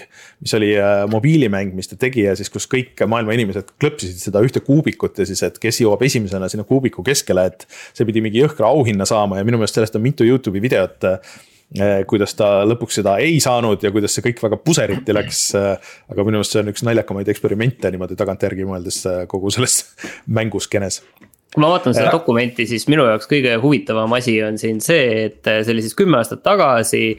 Äh, täpselt umbes pool aastat enne seda, kui välja tulid Xbox One ja Playstation neli. ja siis on äh, jutt äh, Havoki ehk siis füüsikamootori äh, juhiga, kes ütleb, et ei oleks aktsepteeritav, kui järgmises generatsioonis on kuskil seinad, mida ei saa ära lõhkuda. et me kõik teame, me kõik teame, mis sellega juhtus ja me kõik teame, et mis seis on ka täna. nii et noh, Havok, okei okay,, Havok oli äh,, on siiani mootor, kus, kus on tegelikult suhteliselt palju seda. aga ikkagi, et see on selline asi, mis on äh, jah. see on, see on, mulle ka hakkab see silma, et see kuidagi ajalooliselt nagu ei läinud päris nii, et muidugi jah, igas igas mängus on füüsikaga, mäletate, et mingi vahe oli ju ka see, et lisaks graafikakaardile. sinu arvutis peab olema ka füüsikakaart ja ja iga kord, kui ma oma Nvidia driver'id uuendan Äh, siis seal on need asjad, mida ta installib, et, et sul on mingi uus visuaaldriver, helidriver on sama. siis physics driver, mis on mingi kümme aastat sama, aga nagu iga kord check ib, et kas sul see physics'i versioon on ikka õige, nagu sinu graafikakaardi driver'id vaatavad mul isegi tuli meelde üks äh, vana Unreal'i mootori, kas see oli Unreal kolme, igatahes Gears of War'i aegne demo. kus äh, oligi vist pandud Marcus Phoenix siis sinna demo sisse ja siis nad tulistasid seda betoonist seina ja siis sealt äh, seina seest. sein lagunes ja siis sealt tulid need metallvardad tulid välja, et, et okei okay,, et see nüüd hakkab olema meil igas mängus. ja ma ei tea, minu meelest kui, kui sa vaatad äh, siis Gears of War nelja või viite, siis nagu nende staatilisemaid, ilusaid, aga staatilisemaid maailmaid nagu annab otsida tegelikult mm. -hmm. et naljakas, et see niimoodi. ma üritan, ma üritan praegu nagu paaniliselt mõelda, mis on need mängud, kus sa saad nagu päriselt lõhkuda või hävitada. no see nagu, spets need mängud. Battlefieldid üritasid midagi teha. Battlefield Bad Company's oli see teema. Faction, Red Faction oli see, kus sa said ikka väga. ei, ma mõtlen, ei, ma mõtlen nagu tänapäeval, mitte mm., mitte ajaloolises võtmes, et nagu, et noh, Battlefieldis vaata sellised multiplayer kaardid ja seal nagu midagi nagu saab lõhkuda ja need lähevad teistmoodi, aga. no sa ise mängisid, vot see Teardown vist on see üks mäng, mis on väga popp praegu. jah, siukseid nagu lammutamissimulaatorid küll, muidugi ma pean ütlema, et äh, VR maailmas on, on nagu füüsika on inimestele olulisem ilmselt kui tavaekraani mm. mängudes, et. Äh, et kui, et noh, kui vaadata VR entusiaste, siis on see, et äh, aa, et selles mängus ei olegi nagu realistlik simuleeritud füüsika, et aa okei okay,, et siis tšau, et äh, et VR-is see on kuidagi palju olulisem, et kõik nagu noh, reageeriks mm -hmm. ja, ja tuleks kaasa, et muidu sa ei tunne nagu sind ei ole seal maailmas olemas. aga teistes mängudes ma nagu jah, väga ei. ei tule. ütleme noh mingi sihuke reactor physics ja sihuke värk nagu on, on ikka, aga. no see on ikkagi see... teine asi, see on ikkagi teine asi, mul tegelikult oli äh, tõesti ja, huvi selle peale Red Factionit äh, ausalt öeldes mängida, just seda esimest. Äh, Martti Kauber ütleb, et, et on siiani, siiani mängitav ja äge. Päris huvitav, aga tõesti, et kui sa niimoodi välja tood, et ei, ei ole üheski nagu suures mängus nagu isegi nagu äh, nagu mingisuguse lisa feature'ina seda, et sa saaks nagu seinu lõhkuda või nagu nendest läbi lasta või, või, või majad õhku lasta kuidagi nagu selle põhjal, et. tundub, et see mm -hmm. asi võib-olla isegi ei ole nagu selles tehnoloogias niivõrd kui selles gameplay's, et, et kuidas sa ehitad leveli nagu niimoodi, et. sa ei tea kunagi, kas see maja lastakse õhku või või siis. Äh, aga esimeses Red Factionis ma mäletan, ma läksin läbi leveli põhimõtteliselt mingite asjadega kuskilt täiesti niiviisi, sa läksidki. see oligi nagu gameplay osa see, et sa said seda game, gameplay'd niiviisi äh, mudida, täpselt niiviisi mm. -hmm kuigi ma hakkan praegu mõtlema, et tegelikult Valheimis oli küll päris nagu kütkestav, et nagu põhimõtteliselt iga, iga maatükki sa said äh, justkui lahti kaevata ja ja igat seina nagu ehitada või lõhkuda või, aga kõik reageeris nagu ja see, see annab ikka täitsa teise tunde mängule küll kas, oota, aga kas Fortnite'is ei ole mingisugust sihukest, noh, et vähe sellest, et sa ise ehitada saad selles ehitusmoodis, aga kas seal ei ole mingi see, et. et need majad nagu lagunesid või mingi case nagu sellega oli? ei ole kindel, kas kõik majad, need midagi oli, okei okay,, ei tea. Mid, midagi sihukest oli äh, Apexis ka, aga, aga see vist oli nagu lihtsalt mingi konkreetne asi, mis juhtus võiks arvata, et kuna Minecraft on nagu nii vana mäng ja kõik mängijad, kes selle peale on üles kasvanud, nagu justkui eeldavad, et. ju peaks no. mängus saama kõike lõhkuda ja kaevandada. ühesõnaga Re, Rein, pane oma sinna, sinna mängu ideede dokumenti, pane kirja. mäng, kus seinad on lõhutavad nagu põhimõtteliselt see saade juba saame, saame minu järgmise mängu kokku panna. Äh, sul on autod, millega sa saad tulistada. sa Nii, saad läbi sõita seintest või tulistada need puruks, on ju äh, seal sees sõidavad Ready Player Me avatarid, äh, sest sellega ma saan pärast ka raha teenida. Ma ei tea, mis mis no, veel puuduvad. selles suhtes, et paneme saate kinni ja lähme hakkame tegema. seriaali pead ka tegema sellest veel. aa, seriaali peab ka tegema jah. aa, nojah, muideks, ma käisin, rääkides sellest kiirelt, ma ütlen siia, äh, ma käisin HÖFFil äh, ja see oli lõbus nagu ikka. Aga ma vaatasin seal Eesti lühifilme ja seal oli vendade Eskode film nimega Topeltturbo mis äh, avaldas mulle muljet, sest et äh, alati, kui ma olen neid tüüpe näinud sõna võtmas kuskil, siis äh, ei ole nagu suurt muljet jätnud, aga see oli tõesti väga hästi tehtud. et tüübid olid teinud põhimõtteliselt lühifilmis päris elu animet mis töötas üllatavalt hästi, et kui sa vaatad seda treilerit, see treiler ei anna seda niimoodi edasi, ma vaatasin veel tagantjärgi uuesti, see, sealt ei tule see välja, aga see filmina töötas väga hästi ma olin impressed äh, ja seal oli natuke seesama teema, äh, autod, möllud, värgid. et äh, pean andma propsi. ja vaatasin ka ära soomlaste sisu muidu, mis oli väga fun, soovitan just kinno minna vaatama, sest et kodus see ilmselt ei tööta nii hästi kui kinos. eriti sihukese midnight showing'u võtmes, see on sihuke väga hea B-movie natsi tapmine. Anyways äh,, kümme aastat tagasi olid siuksed jutud, kas äh, vaatame, mis me siis äh, see nädal mängisime ja, ja..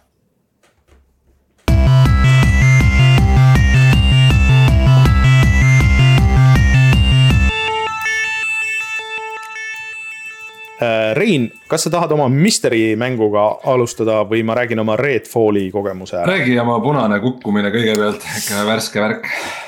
Äh, ma ütlen, et äh, selles suhtes, et ma ei mänginud seda väga palju. võib-olla mingisugune poolteist, kaks tundi, midagi sihukest ja seda ühel üllataval põhjusel. sest et äh, iga kord, kui ma üritasin seda mängu mängida, siis ma reaalselt jäin magama nagu mitte nagu, äh, mitte niimoodi natuke, aga lihtsalt kell ei olnud palju, kell mingi kümme, nii et okei okay,, ma panen, tõmbasin selle alla, hakkan mängima. ja siis lihtsalt hakkad nokkima ah,, ah, oot-oot oh,, pult kukkus, sihuke. ja see annab ka edasi nagu päris hästi selle mängu olemuse, et äh, minu meelest ta nagu et, et noh, taustaks ma ütlen, mulle on Arkeeni mängud alati väga meeldinud, aga see on muidugi Arkane Austin ehk siis seesama stuudio, kes tegi selle äh, uue Prey. mis oli ju tegelikult nagu pigem väga hea mäng, nad tegid ka selle Prey lisapaki äh,. mis oli siis e-, üks esimesi siukseid äh, suure budget'i äh, neid rogu-like'e äh,. ja see on siis sellesama stuudio sihuke avatud maailma äh, vampiiri jahtimismäng, et sa hakkad, valid alguses oma tegelase. igal tegelasel vahe on peamiselt see, et mis lisavõimed sul on. ja siis äh, on väike intro, ühesõnaga maailm või see, see linn, kus sa oled, et selle võtavad vampiirid üle, nad panevad selle äh, veeteed nii-öelda kinni, tõstavad siukseks seinteks sinna saare ümber, sa ei saa sealt minema, et sa oled seal kuskil alguses oledki nagu selles äh, järve või, või merepõhjas seal, et näha, kus on äh, laevad ja asjad on kukkunud äh, ja siis sa käid seal maailmas ringi, tapad vampiire ja siis ka inimesi, kes on sisuliselt nagu nende vampiiride pool või nii edasi. ja twist on siis see, et sul on kolm relva. ja vampiire sa saad tappa niimoodi, et sa saad kasutada neid tavarelvasid, et neid viia surma äärele. aga siis sa pead kasutama ühte enda relvadest, kus on siis puu, ma ei tea, kuidas see steak on siis, see oleks siis puu vai. vai. jah, ja et sa pead vaiaga nad nii-öelda ära lõpetama, enne kui nad lõplikult ära surevad.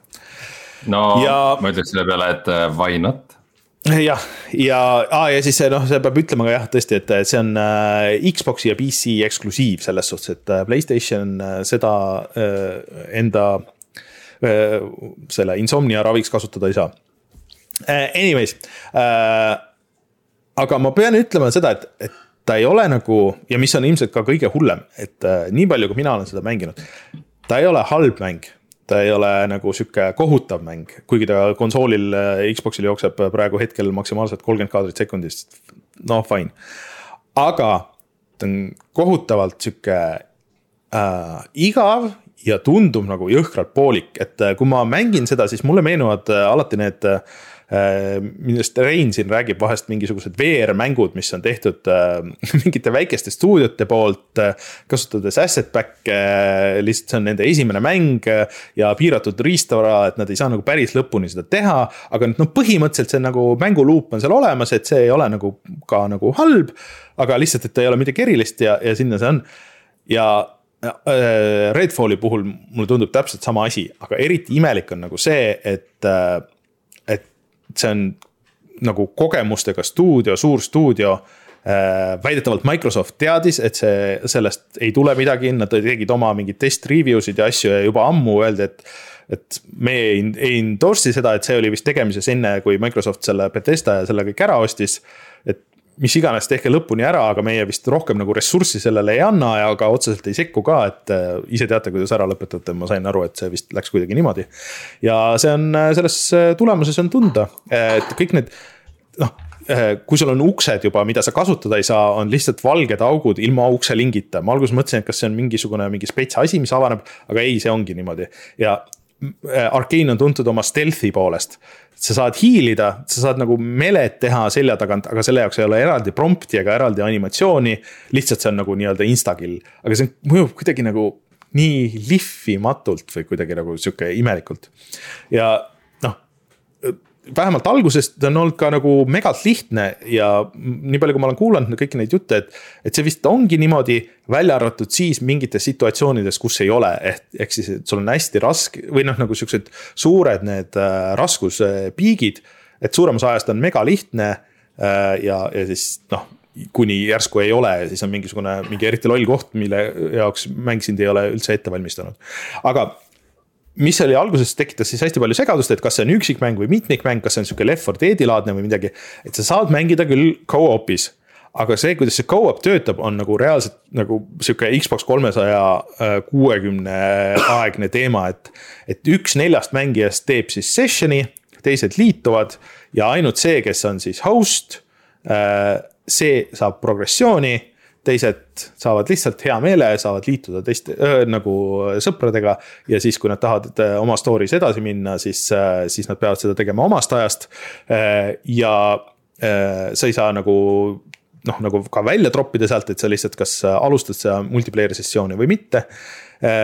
mis mängus, mis on nagu, tundub, et on nagu Äh, selle mängitavuse ja, ja nagu selle balansseerimise poolest ongi ikkagi nagu rohkem rõhunud selle mitmikmängu peale.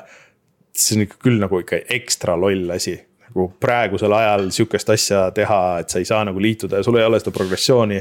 ma ei mängi küll väga palju mitmikmänge, aga, aga isegi mulle tundub see nagu ikka väga loll kes see tahaks ohverdada seda ja see vist on nagu no,. viimati sama asi no vot, et eh, noh, aga Returnal ei ole. no, no aga need ei ole nagu peamiselt eh, noh, nagu mitmikmängud, aga see ikkagi nagu on, et, et ta on algusest lõpuni mängitav go-op'is, et võiks ju arvata, et see kuidagi, et see on kuidagi niimoodi üles ehitatud, et sa saad nagu seda progressiooni kõik. aga, aga ei ole. Eh, ja nagu midagi on nagu väga valesti selle kõige juures, aga, aga peamiselt on lihtsalt see, et ta oleks ilmselt tahtnud äh, lihvi saada vähemalt aasta, võib-olla isegi kaks nagu, et, et, et see võib-olla mingi see põhiidee nagu töötab. ja see story ja see kõik need dialoogid ja need asjad on ka siuksed, sihuke nagu parem ära räägi, nagu ma ei, ei viitsi, see minu tegelane, kelle ma võtsin, et ta on vist mingi kirjanik, kes tuli oma uut raamatut promoma sinna, aga siis ta on hullult. nagu reageerib kõigele hullult entusiastlikult, mis tundub väga imelik et sa oled kuskil saare peal ja siis järsku kõik on vampiirid ja siis ta on, oh yes, kõik on vampiirid nagu sihuke, oo oh, kui tuus umbes. Yeah, let's, let's, let's kill those, mis iganes, anyways äh,. Äh, veider on see mäng ja see ja noh ja ta näeb välja ka nagu toores, et ma ei saa aru, et miks, miks ta peaks kolmkümmend kaadrit sekundis, siin ei ole nagu tehniliselt ühtegi sihukest asja, vähemalt nagu niimoodi kiiresti silmaga vaadates, et. miks ta peaks olema ainult kolmkümmend kaadrit sekundis konsoolil, miks ta ei võiks olla kuuskümmend. ta ei ole väga efekte täis, siin ei ole mingit atmosfääri, see linn, kus sa oled, on küll avatud maailm. aga ta ei ole suur avatud maailm, et ta on ikkagi suhteliselt nagu pisike, et sa näed nagu suht selle otsast lõpuni vist. võib-olla pärast on veel seal mingid teised osad, aga, aga ikkagi nagu ta ei ole suur. Äh, ja mis seda imelikum, et Arkeeni asjad, äh, isegi selle Austini asjad on olnud ju väga ilusad, et, et sa ei saa, kas sõltumata sellest, kas sulle meeldis see eelmine Prey või mitte. ta nägi väga äge välja visuaalselt, et äh, oli küll Crysis, selle Crysis'e mootori peal, et ta ei jooksnud kohati võib-olla kõige paremini, aga. aga ta nägi, nägi tuus välja, et väga siuksed põhjendamatud valikud ja arusaamatu, miks ta niimoodi poolikult välja tuli ja kui Microsoftil oli kaks sihukest võimalust äh, oma nagu seda aastat boost ida, siis äh, üks nendest läks kohe kindlasti nagu siin ära ja see ei ole nagu see mäng. et äh, noh, kui sul on konsool või sul on see PC Gamepass, siis no kui natukene on huvi, võid ju järgi proovida, aga, aga noh, tea, kuhu sa lähed. muideks Gamepassist rääkides, ka Eestis töötab see, mulle tuli just see, et nüüd sa saad anda kuni neljale inimesele kahe nädala kaupa. kuni viieni kuni viieni. viiele, oli viiele, et, äh, et see töötab ka meil ja kui te tahate PC Gamepassis seda proovida, ma võin teile selle koodi anda, invite'i saata ja. ja saate järgi check ida, aga Redfall üsna suur pettumus igatpidi ja see, siin nagu ei ole ka siuksed asjad, et okei okay,, et nad võivad patch ida selle, selle kaadrisageduse korda ja. ja nagu need võib-olla mingid balansid nagu paika, aga, aga mulle tundub, et seda nagu põhimängu siin enam nagu niimoodi ei päästa. kui midagi väga suurt ei tule kuskilt. et eh, noh, muidugi on ka palju siukseid eh, lihtsalt bugisid eh, nii PC-l kui konsoolil, aga, aga lihtsalt. siin on, siin on nagu juba, juba algselt on midagi on off, et äh, kahjuks sellega on no,. Läheb siis sinna kategooriasse Gamepass filler jah see vist ei lähe isegi siin, kõige hullem on see, et see ei ole isegi nagu selleks nagu väga hea või noh, nagu. seal on palju paremaid mänge, mida sa võiksid võtta sellest, mis, mis ei ole ka nagu suurepärased mängud, aga mida sa võiks nagu pigem oma, oma ajaga teha, et. ma ei tea, ma see Redfalli nagu ei, ei saa isegi nagu selles võtmes liiga hästi soovitada. et noh, ta ei ole hea, ta ei ole halb, lihtsalt nagu mega sihuke mid nagu eriti suvaline. no see on see on see kvaliteet, mida Gamepassist tasubki oodata edaspidi, see. see ei ole päris. see honeymoon periood on möödas äh, see oli tegemises ammu enne Gamepassi ja, ja enne mm., enne kui Microsoft ära selle ostis. viis aastat on, on see juba tegemises olnud, mis on eriti sürreaalne. et, äh, et jah, ühesõnaga e, minu poolt ei, kui te küsite, kas see läheb värskesse kulda, siis. ei, ei, ei küsinud, keegi ei küsinud seda, on ju nii, Rein, on aeg nüüd see äh, salajane pakk avada, mida sa mängisid? no ma hiilisin veidi nagu kass ümber pudru äh, ühe asja ligi mõnda aega äh,. et kui siin Rainer hiljuti ütlesime, et soovitage uusi asju, mida mängida, siis siis Rainer pani meile, Polly pani Discordi, et kas ma mängin SpongeBobi edasi või, või Apex Legendsit nagu,. ma panin sinna kõik asjad, mis mul on pooleli. Come on nagu, keda kotib, kui sa küsid soovitust, siis las siin. ei, ma ei tahtnud soovitust, ma tahtsin, ma tahtsin teada, mis ma peaks, mis ma peaks lõpuni mängima kedagi ei huvita, selles mõttes, et saates räägid sedasama juttu pärast sedasama mängu kohta. see saate jaoks, see on minu jaoks, mitte saate aga ma olin tükk aega nillinud ja ma ostsin äh, Dwarf Fortressi okei. Äh, mis asi on Dwarf Fortress, kes ei tea, see on äh, sihuke veits legendaarne mäng. mis on olnud tegemises kahe venna poolt äh, kakskümmend aastat äh,. ja ta on mingi veidra süsteemiga olnud varem, et umbes ma ei tea, läbi mingi Patreoni või mingite asjade, et sa saad mingitele piltidele ligi ja nüüd eelmine aasta oli see, et ta jõudis nii kaugele, et ta tuli nagu early access'is äh, äh, Steam'i. ja siis ka nüüd ka graafikaga, sest et muidu vist vanasti oligi see põhiviis, kuidas sa mängisid, kuigi seal oli igasuguseid erinevaid tilesette. et see olid nagu tähemärgid ekraanil, mis siis, mis siis äh, oli nagu ühe. no ASCII art nagu. päkapikkude koloonia simulatsioon äh, põhimõtteliselt jah, koloonia simulatsiooni mäng, aga mitte lihtsalt simulatsioon, vaid sihuke simulatsioon, mis nagu simuleerib ikka nagu kõike.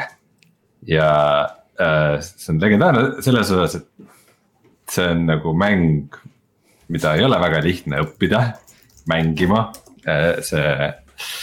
Learning curve ei ole kõige mängijasõbralikum, aga kuna ta nihuke hästi süsteemipõhine, siis ma ikkagi nagu tahtsin jubedasti ära proovida, natukene tundus, et võib-olla isegi liiga kallis. et ta maksis vist kolmkümmend euri Steamis. et äh, aga mõtlesin, et kurat, ma ikka, ikka.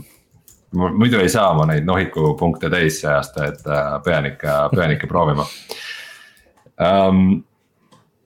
mis teeb siis Dwarf Fortressi eriliseks, et põhimõtteliselt ütleme, kui võrrelda mingite mängudega, et siis äh, mm, Rimworld äh,, Terraria võib-olla isegi nagu paljud siuksed mängud, kus sa äh,. noh, Prison Architect, mida. ma just tahtsin seda öelda jah ja,. mida siin Martin mängis palju ja, ja nagu see Clay mängudest ka see Oxygen uh,, Oxygen not included. et noh, selliseid nagu koloonia simulatsioone on palju, et sul on mingid tegelased, sa annad neile nagu, elavad kuskil, sa annad neile tööd, et sina otsi süüa, sina kaeva meile äh, nagu seda uusi tubasid, sina tee mingi masinaga mingeid muid asju ja siis äh,, siis juhtuvad mingid hirmsad asjad ja siis sa üritad seda kõike nagu koos hoida um,. Dwarf Fortress lihtsalt, esiteks ta oli vist ka üks esimesi selliseid mängu, et ta on nagu inspireerinud paljusid, isegi räägitakse, et Minecraft on siis äh, osaliselt nagu Dwarf Fortressist inspireeritud äh,. et ta oli üks esimesi ja ta on ka nagu vist kõige põhjalikum et need süsteemid, mis seal on, on nagu nii sügavad ja kõik asjad on kõigega nagu nii põhjalikult. too mingi näide nüüd, too mingi näide nüüd. no ähm, mul oma mängust pole, aga nagu näiteks see, et sa alustad mängu, siis sulle genereeritakse maailm. ja siis ei ole lihtsalt see, et nüüd nagu mäng genereerib kaardi, mäng genereerib kaardi ja selle ajaloo. ja siis enne, kui sa saad mängima hakata, siis mäng simuleerib sada aastat nagu seda kõike. et, et, et siis sada aastat on seal nagu nüüd asjad nagu ette ka veel toimunud, et kõik oleks ikka õige ja kõik asjad oleks laiali igal pool. Ja siis nagu sina lähed sinna sisse ja äh, sa saad äh, kaevata ülisügavale, sa nagu põhimõtteliselt scroll'iga käid nagu eri nagu tasandite vahel äh,. näiteks ühelgi palju kui ma olen aru saanud, ühelgi elusolendil ei ole HP-d. ehk siis nagu sul ei ole elupunkte, et umbes, et ma ei tea, keegi lööb sind nuiaga ja siis sa kaotad nii palju elupunkte. vaid iga elusolend koosneb organitest ja vedelikest. ja siis põhimõtteliselt, kui nende organite ja vedelikega midagi juhtub, siis vastavalt nagu on teatud asjad, mis selle selle tegelasega saavad juhtuda, et umbes, et noh, et kas tal on närvisüsteem alles või umbes, et äkki ta, äkki ta veri läheb keema mingi temperatuuri juures ja, ja nagu äh,. nagu sellised asjad ja. Ja kuigi alguses on üldse tutorial, mis nagu näitab sulle põhiasjad nagu ära.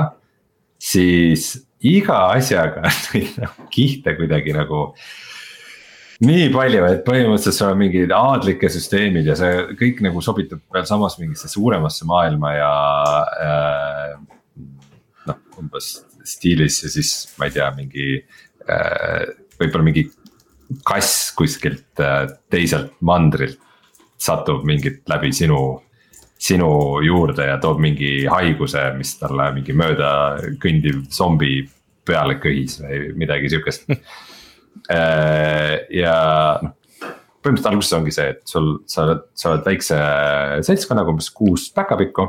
Äh, ja siis mm, väikse karavaniga olete kuskil kohas, teil on mingid teatud ressursid ja tee neile kodu.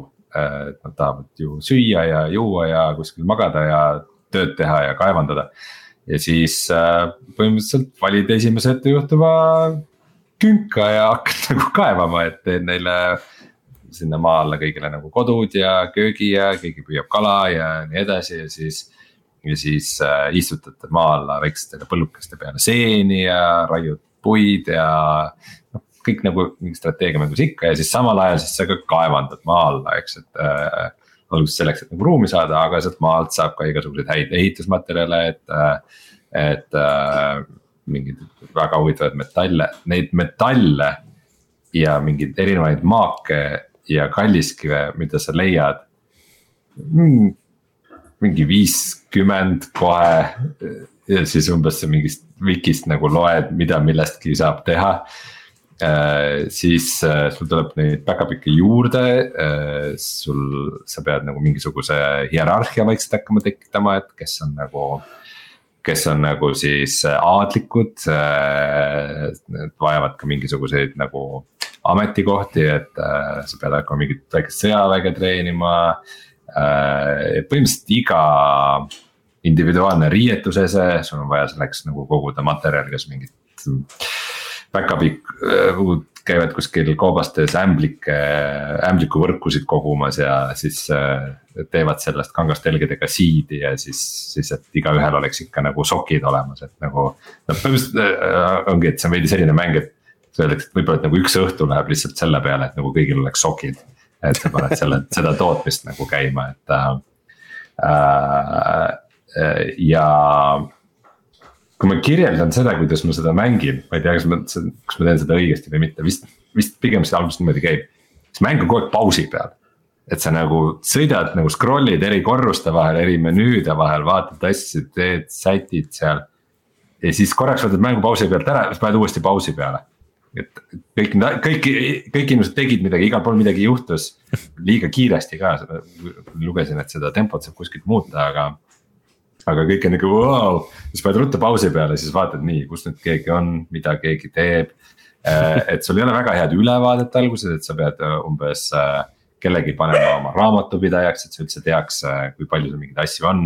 alguses käib kõik mega manuaalselt, lähed igasse workshop'i ja annad mingid materjalid kätte ja sina tee nüüd seda, võta see asi ja sellest tee see asi. pärast sa saad, kui sa õpid asja, siis sa paned korraliku bürokraatia käima ja kogu see bürokraatlik masinavärk, aga ähm,. jah, ühesõnaga ma praegu olen esi, jõudsin oma esimese talveni äh,. mul midagi nagu väga hullu ei ole juhtunud, ma olen niimoodi kenasti äh, arenenud leidsin mingi tohutu katakombide võrgustiku kuskilt maalt, äh, kus saab seenepuid raiuda ja igasuguseid häid asju äh,. mul ei ole Mm, mul ei ole nagu mitte midagi erilist juhtunud et, et see ongi võib-olla nagu minu jaoks kõige kurvastavam, et sul on kõik need süsteemid äh,. ma olen praegu mänginud umbes kümme tundi seda ja, ja põhimõtteliselt selle, nagu Õnne kolmteist, et mul ei ole mitte midagi selle aja jooksul eriti juhtunud, vahepeal üks tüüp äh, palvetamise käigus äh, keeras veidikene ära, mingi vaim haaras ta endasse. aga kõik, mis ta tegi, oli see, et ta, äh, ta oli relvameister ja siis ta Äh, tormas äh, sinna äh, alasi juurde ja hakkas midagi sepistama. ja siis tegi mingisuguse vägeva hõbedast ora. ma täpselt ei tea, miks või mis, mis ma sellega peale saan hakata, aga, aga. Rein, tead see kõik kõlab niiviisi umbes. tema sisse et sa mängid seda nagu ülejäänud aasta ja e, midagi muud. siis hakkavad asjad juhtuma, ma tahtsin öelda, et see on, see on nagu EVE Online, et, et need esimesed kaks tuhat tundi läheb nagu sinna sisseelamiseks ja siis, siis hakkavad alles toimuma asjad. veidi ähm,, ma nüüd pean ütlema, et selles mõttes. see kõik on nagu omamoodi kütkestav ja, ja ma ei tea, ma ei tea, kas ma olen selleks valmis äh,, aga, aga natukene ma ei saa öelda, et, et ta nagu mänguna oleks nüüd, et voh, et see on nüüd.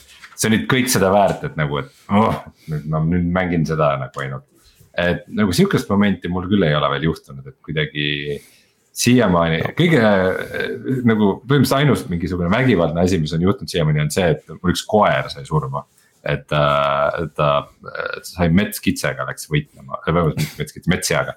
ja, ja siis äh, metssiga haavas teda kuskil põõsaste vahel, jooksis verest tühjaks äh,. aga ma leidsin selle metssea üles, ma ei oska temaga mitte midagi peale hakata, sest minu kütt ei allu minu korraldustele, ta ei, lihtsalt joob kuskil ja siis äh,, aga ma tean, et see metssiga on sellest äh, kogu juhtumist ka šokeeritud. sest et äh,, sest kui ma vaatan teda, et ta on nagu haavatud ja ta on nagu väga šokeeritud sellest kõigest, mis juhtus, et ta on emotsionaalselt ei tunne ennast hästi aga et midagi muud nagu olulist pole siiamaani juhtunud, et, et ma tegin korraliku kõrtsi, üle maailma tulevad mingid tüübid. Äh, mingid monster hunter'id, äh, inimene, isegi üks piigiga ja raudrüüga inimene tuli, ütles, ta läheb kolle jahtida.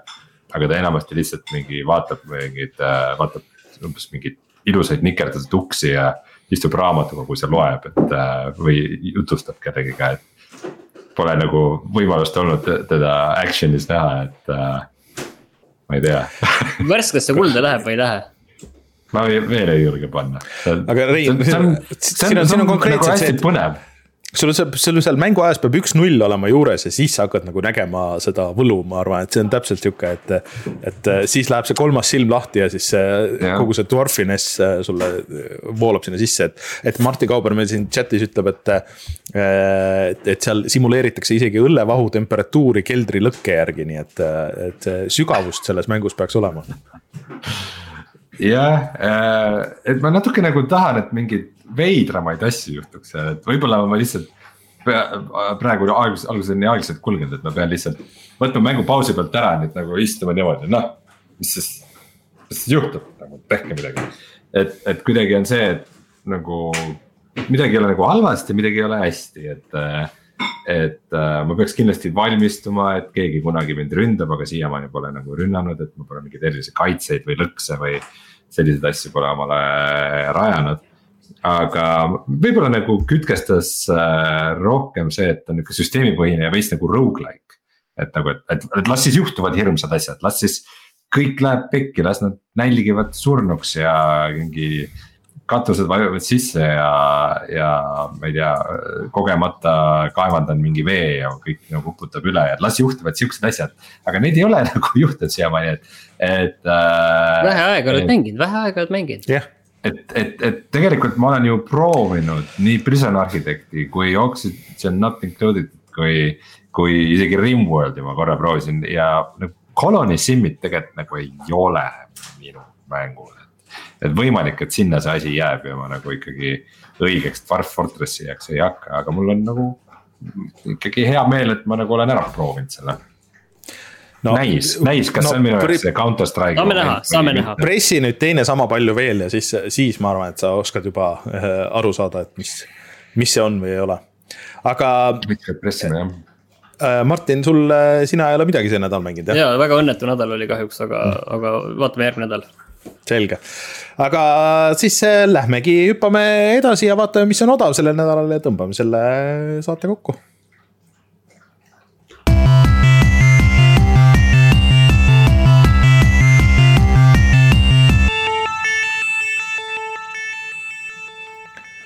Red Faction maksab, esimene maksab Steamis ainult äh, kümme eurot, äh, võib ära võtta Red palju. Faction kaks on seal ka. Red Faction kolm Guerilla on ka, mis oli tegelikult ka väga hea, üks parimaid avatud maailma mänge ja Red Faction Armageddon äh, on vist ainus see, mis äh, minu mälu järgi oli küllaltki halb ja hoopis teistsugune. oota, kas need kõik kolm kokku või kõik neli kokku või see üks? ei, ei üks, see esi, esimese hind oli. no kurat, see on olnud mingi euroga siin. no kindlasti, aga lihtsalt ma ütlen praegu, kuna see saates oli teema. Äh, siis ma nägin, et Humble Bundle'is on Souls-like'ide mm, see bundle kus ainus asi, mida mina teadsin peast, oli see Salt and Sanctuary, aga seal on veel mingeid mänge.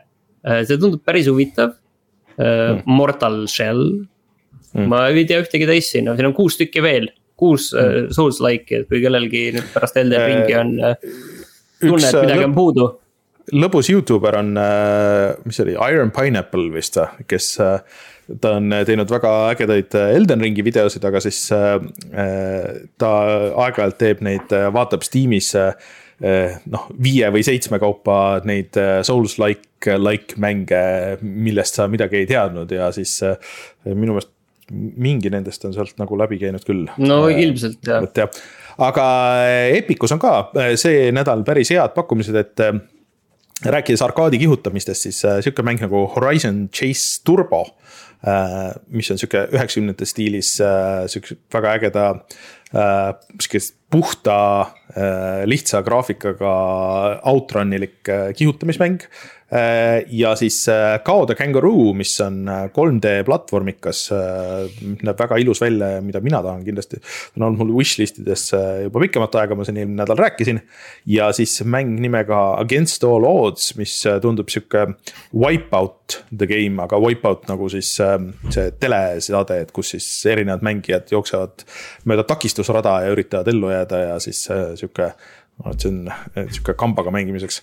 aga järgmine nädal on küll päris sürreaalne, mis tuleb Epicus tasuta, on Sims The Daring Life Bundle ehk siis, et Sims nelja lisapakid, kus sa saad peolisa, moelisa ja džungli, džungliseikluse lisa oma Sims nelja sisse.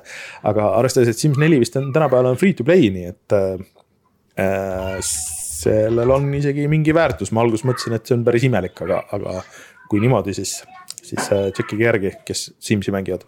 muideks vist oleks aeg uueks Simsiks ka, see on ikkagi päris suur asi. ei, küll see tuleb, küll see tuleb ja, ja.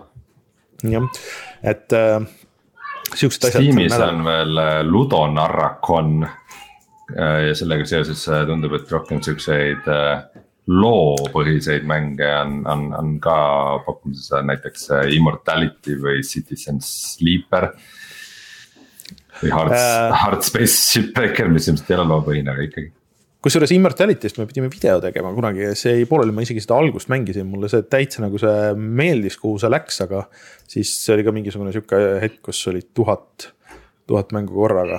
Äh, ta peaks, peaks uuesti tšekkima vot, aga äh, Vampire Survivors, kui keegi tahab tšekkida, siis on äh, viiekas on siin äh, jätkuvalt ja sellel on ka lisapakk, et keegi tahab selle looriga tuttav olla enne seriaali, siis siis on, on see võimalus. aga selline oli meie saade vist sellel nädalal või? Eh, suured tänud eh, Rainerile, Ready Player Me'st veel eh, ja siis Eesti mängude nädal loodetavasti läheb järgmine nädal edasi, ma lootsin, et ma saan see nädal juba välja öelda, mis meil järgmine nädal toimub, aga mm, kahjuks erinevatel asjaoludel veel ei saa. Aga tulge tšekkige järgmine neljapäev laivi, saate otse küsimusi esitada ja, ja loodetavasti keegi meil siiski on Eesti mängudest rääkimas ja minge tehke omale avatar, ma saan aru, et siin Tonisium juba pani omale Xbox'i avatariks äh, selle screenshot'i, mis ta siin arvutis tegi enda, endast, et, et saab näiteks niimoodi ka. vot, aga äh, mina olen Rainer, minuga Rein ja Martin, kohtume juba järgmisel nädalal, tšau. tšau. tšau.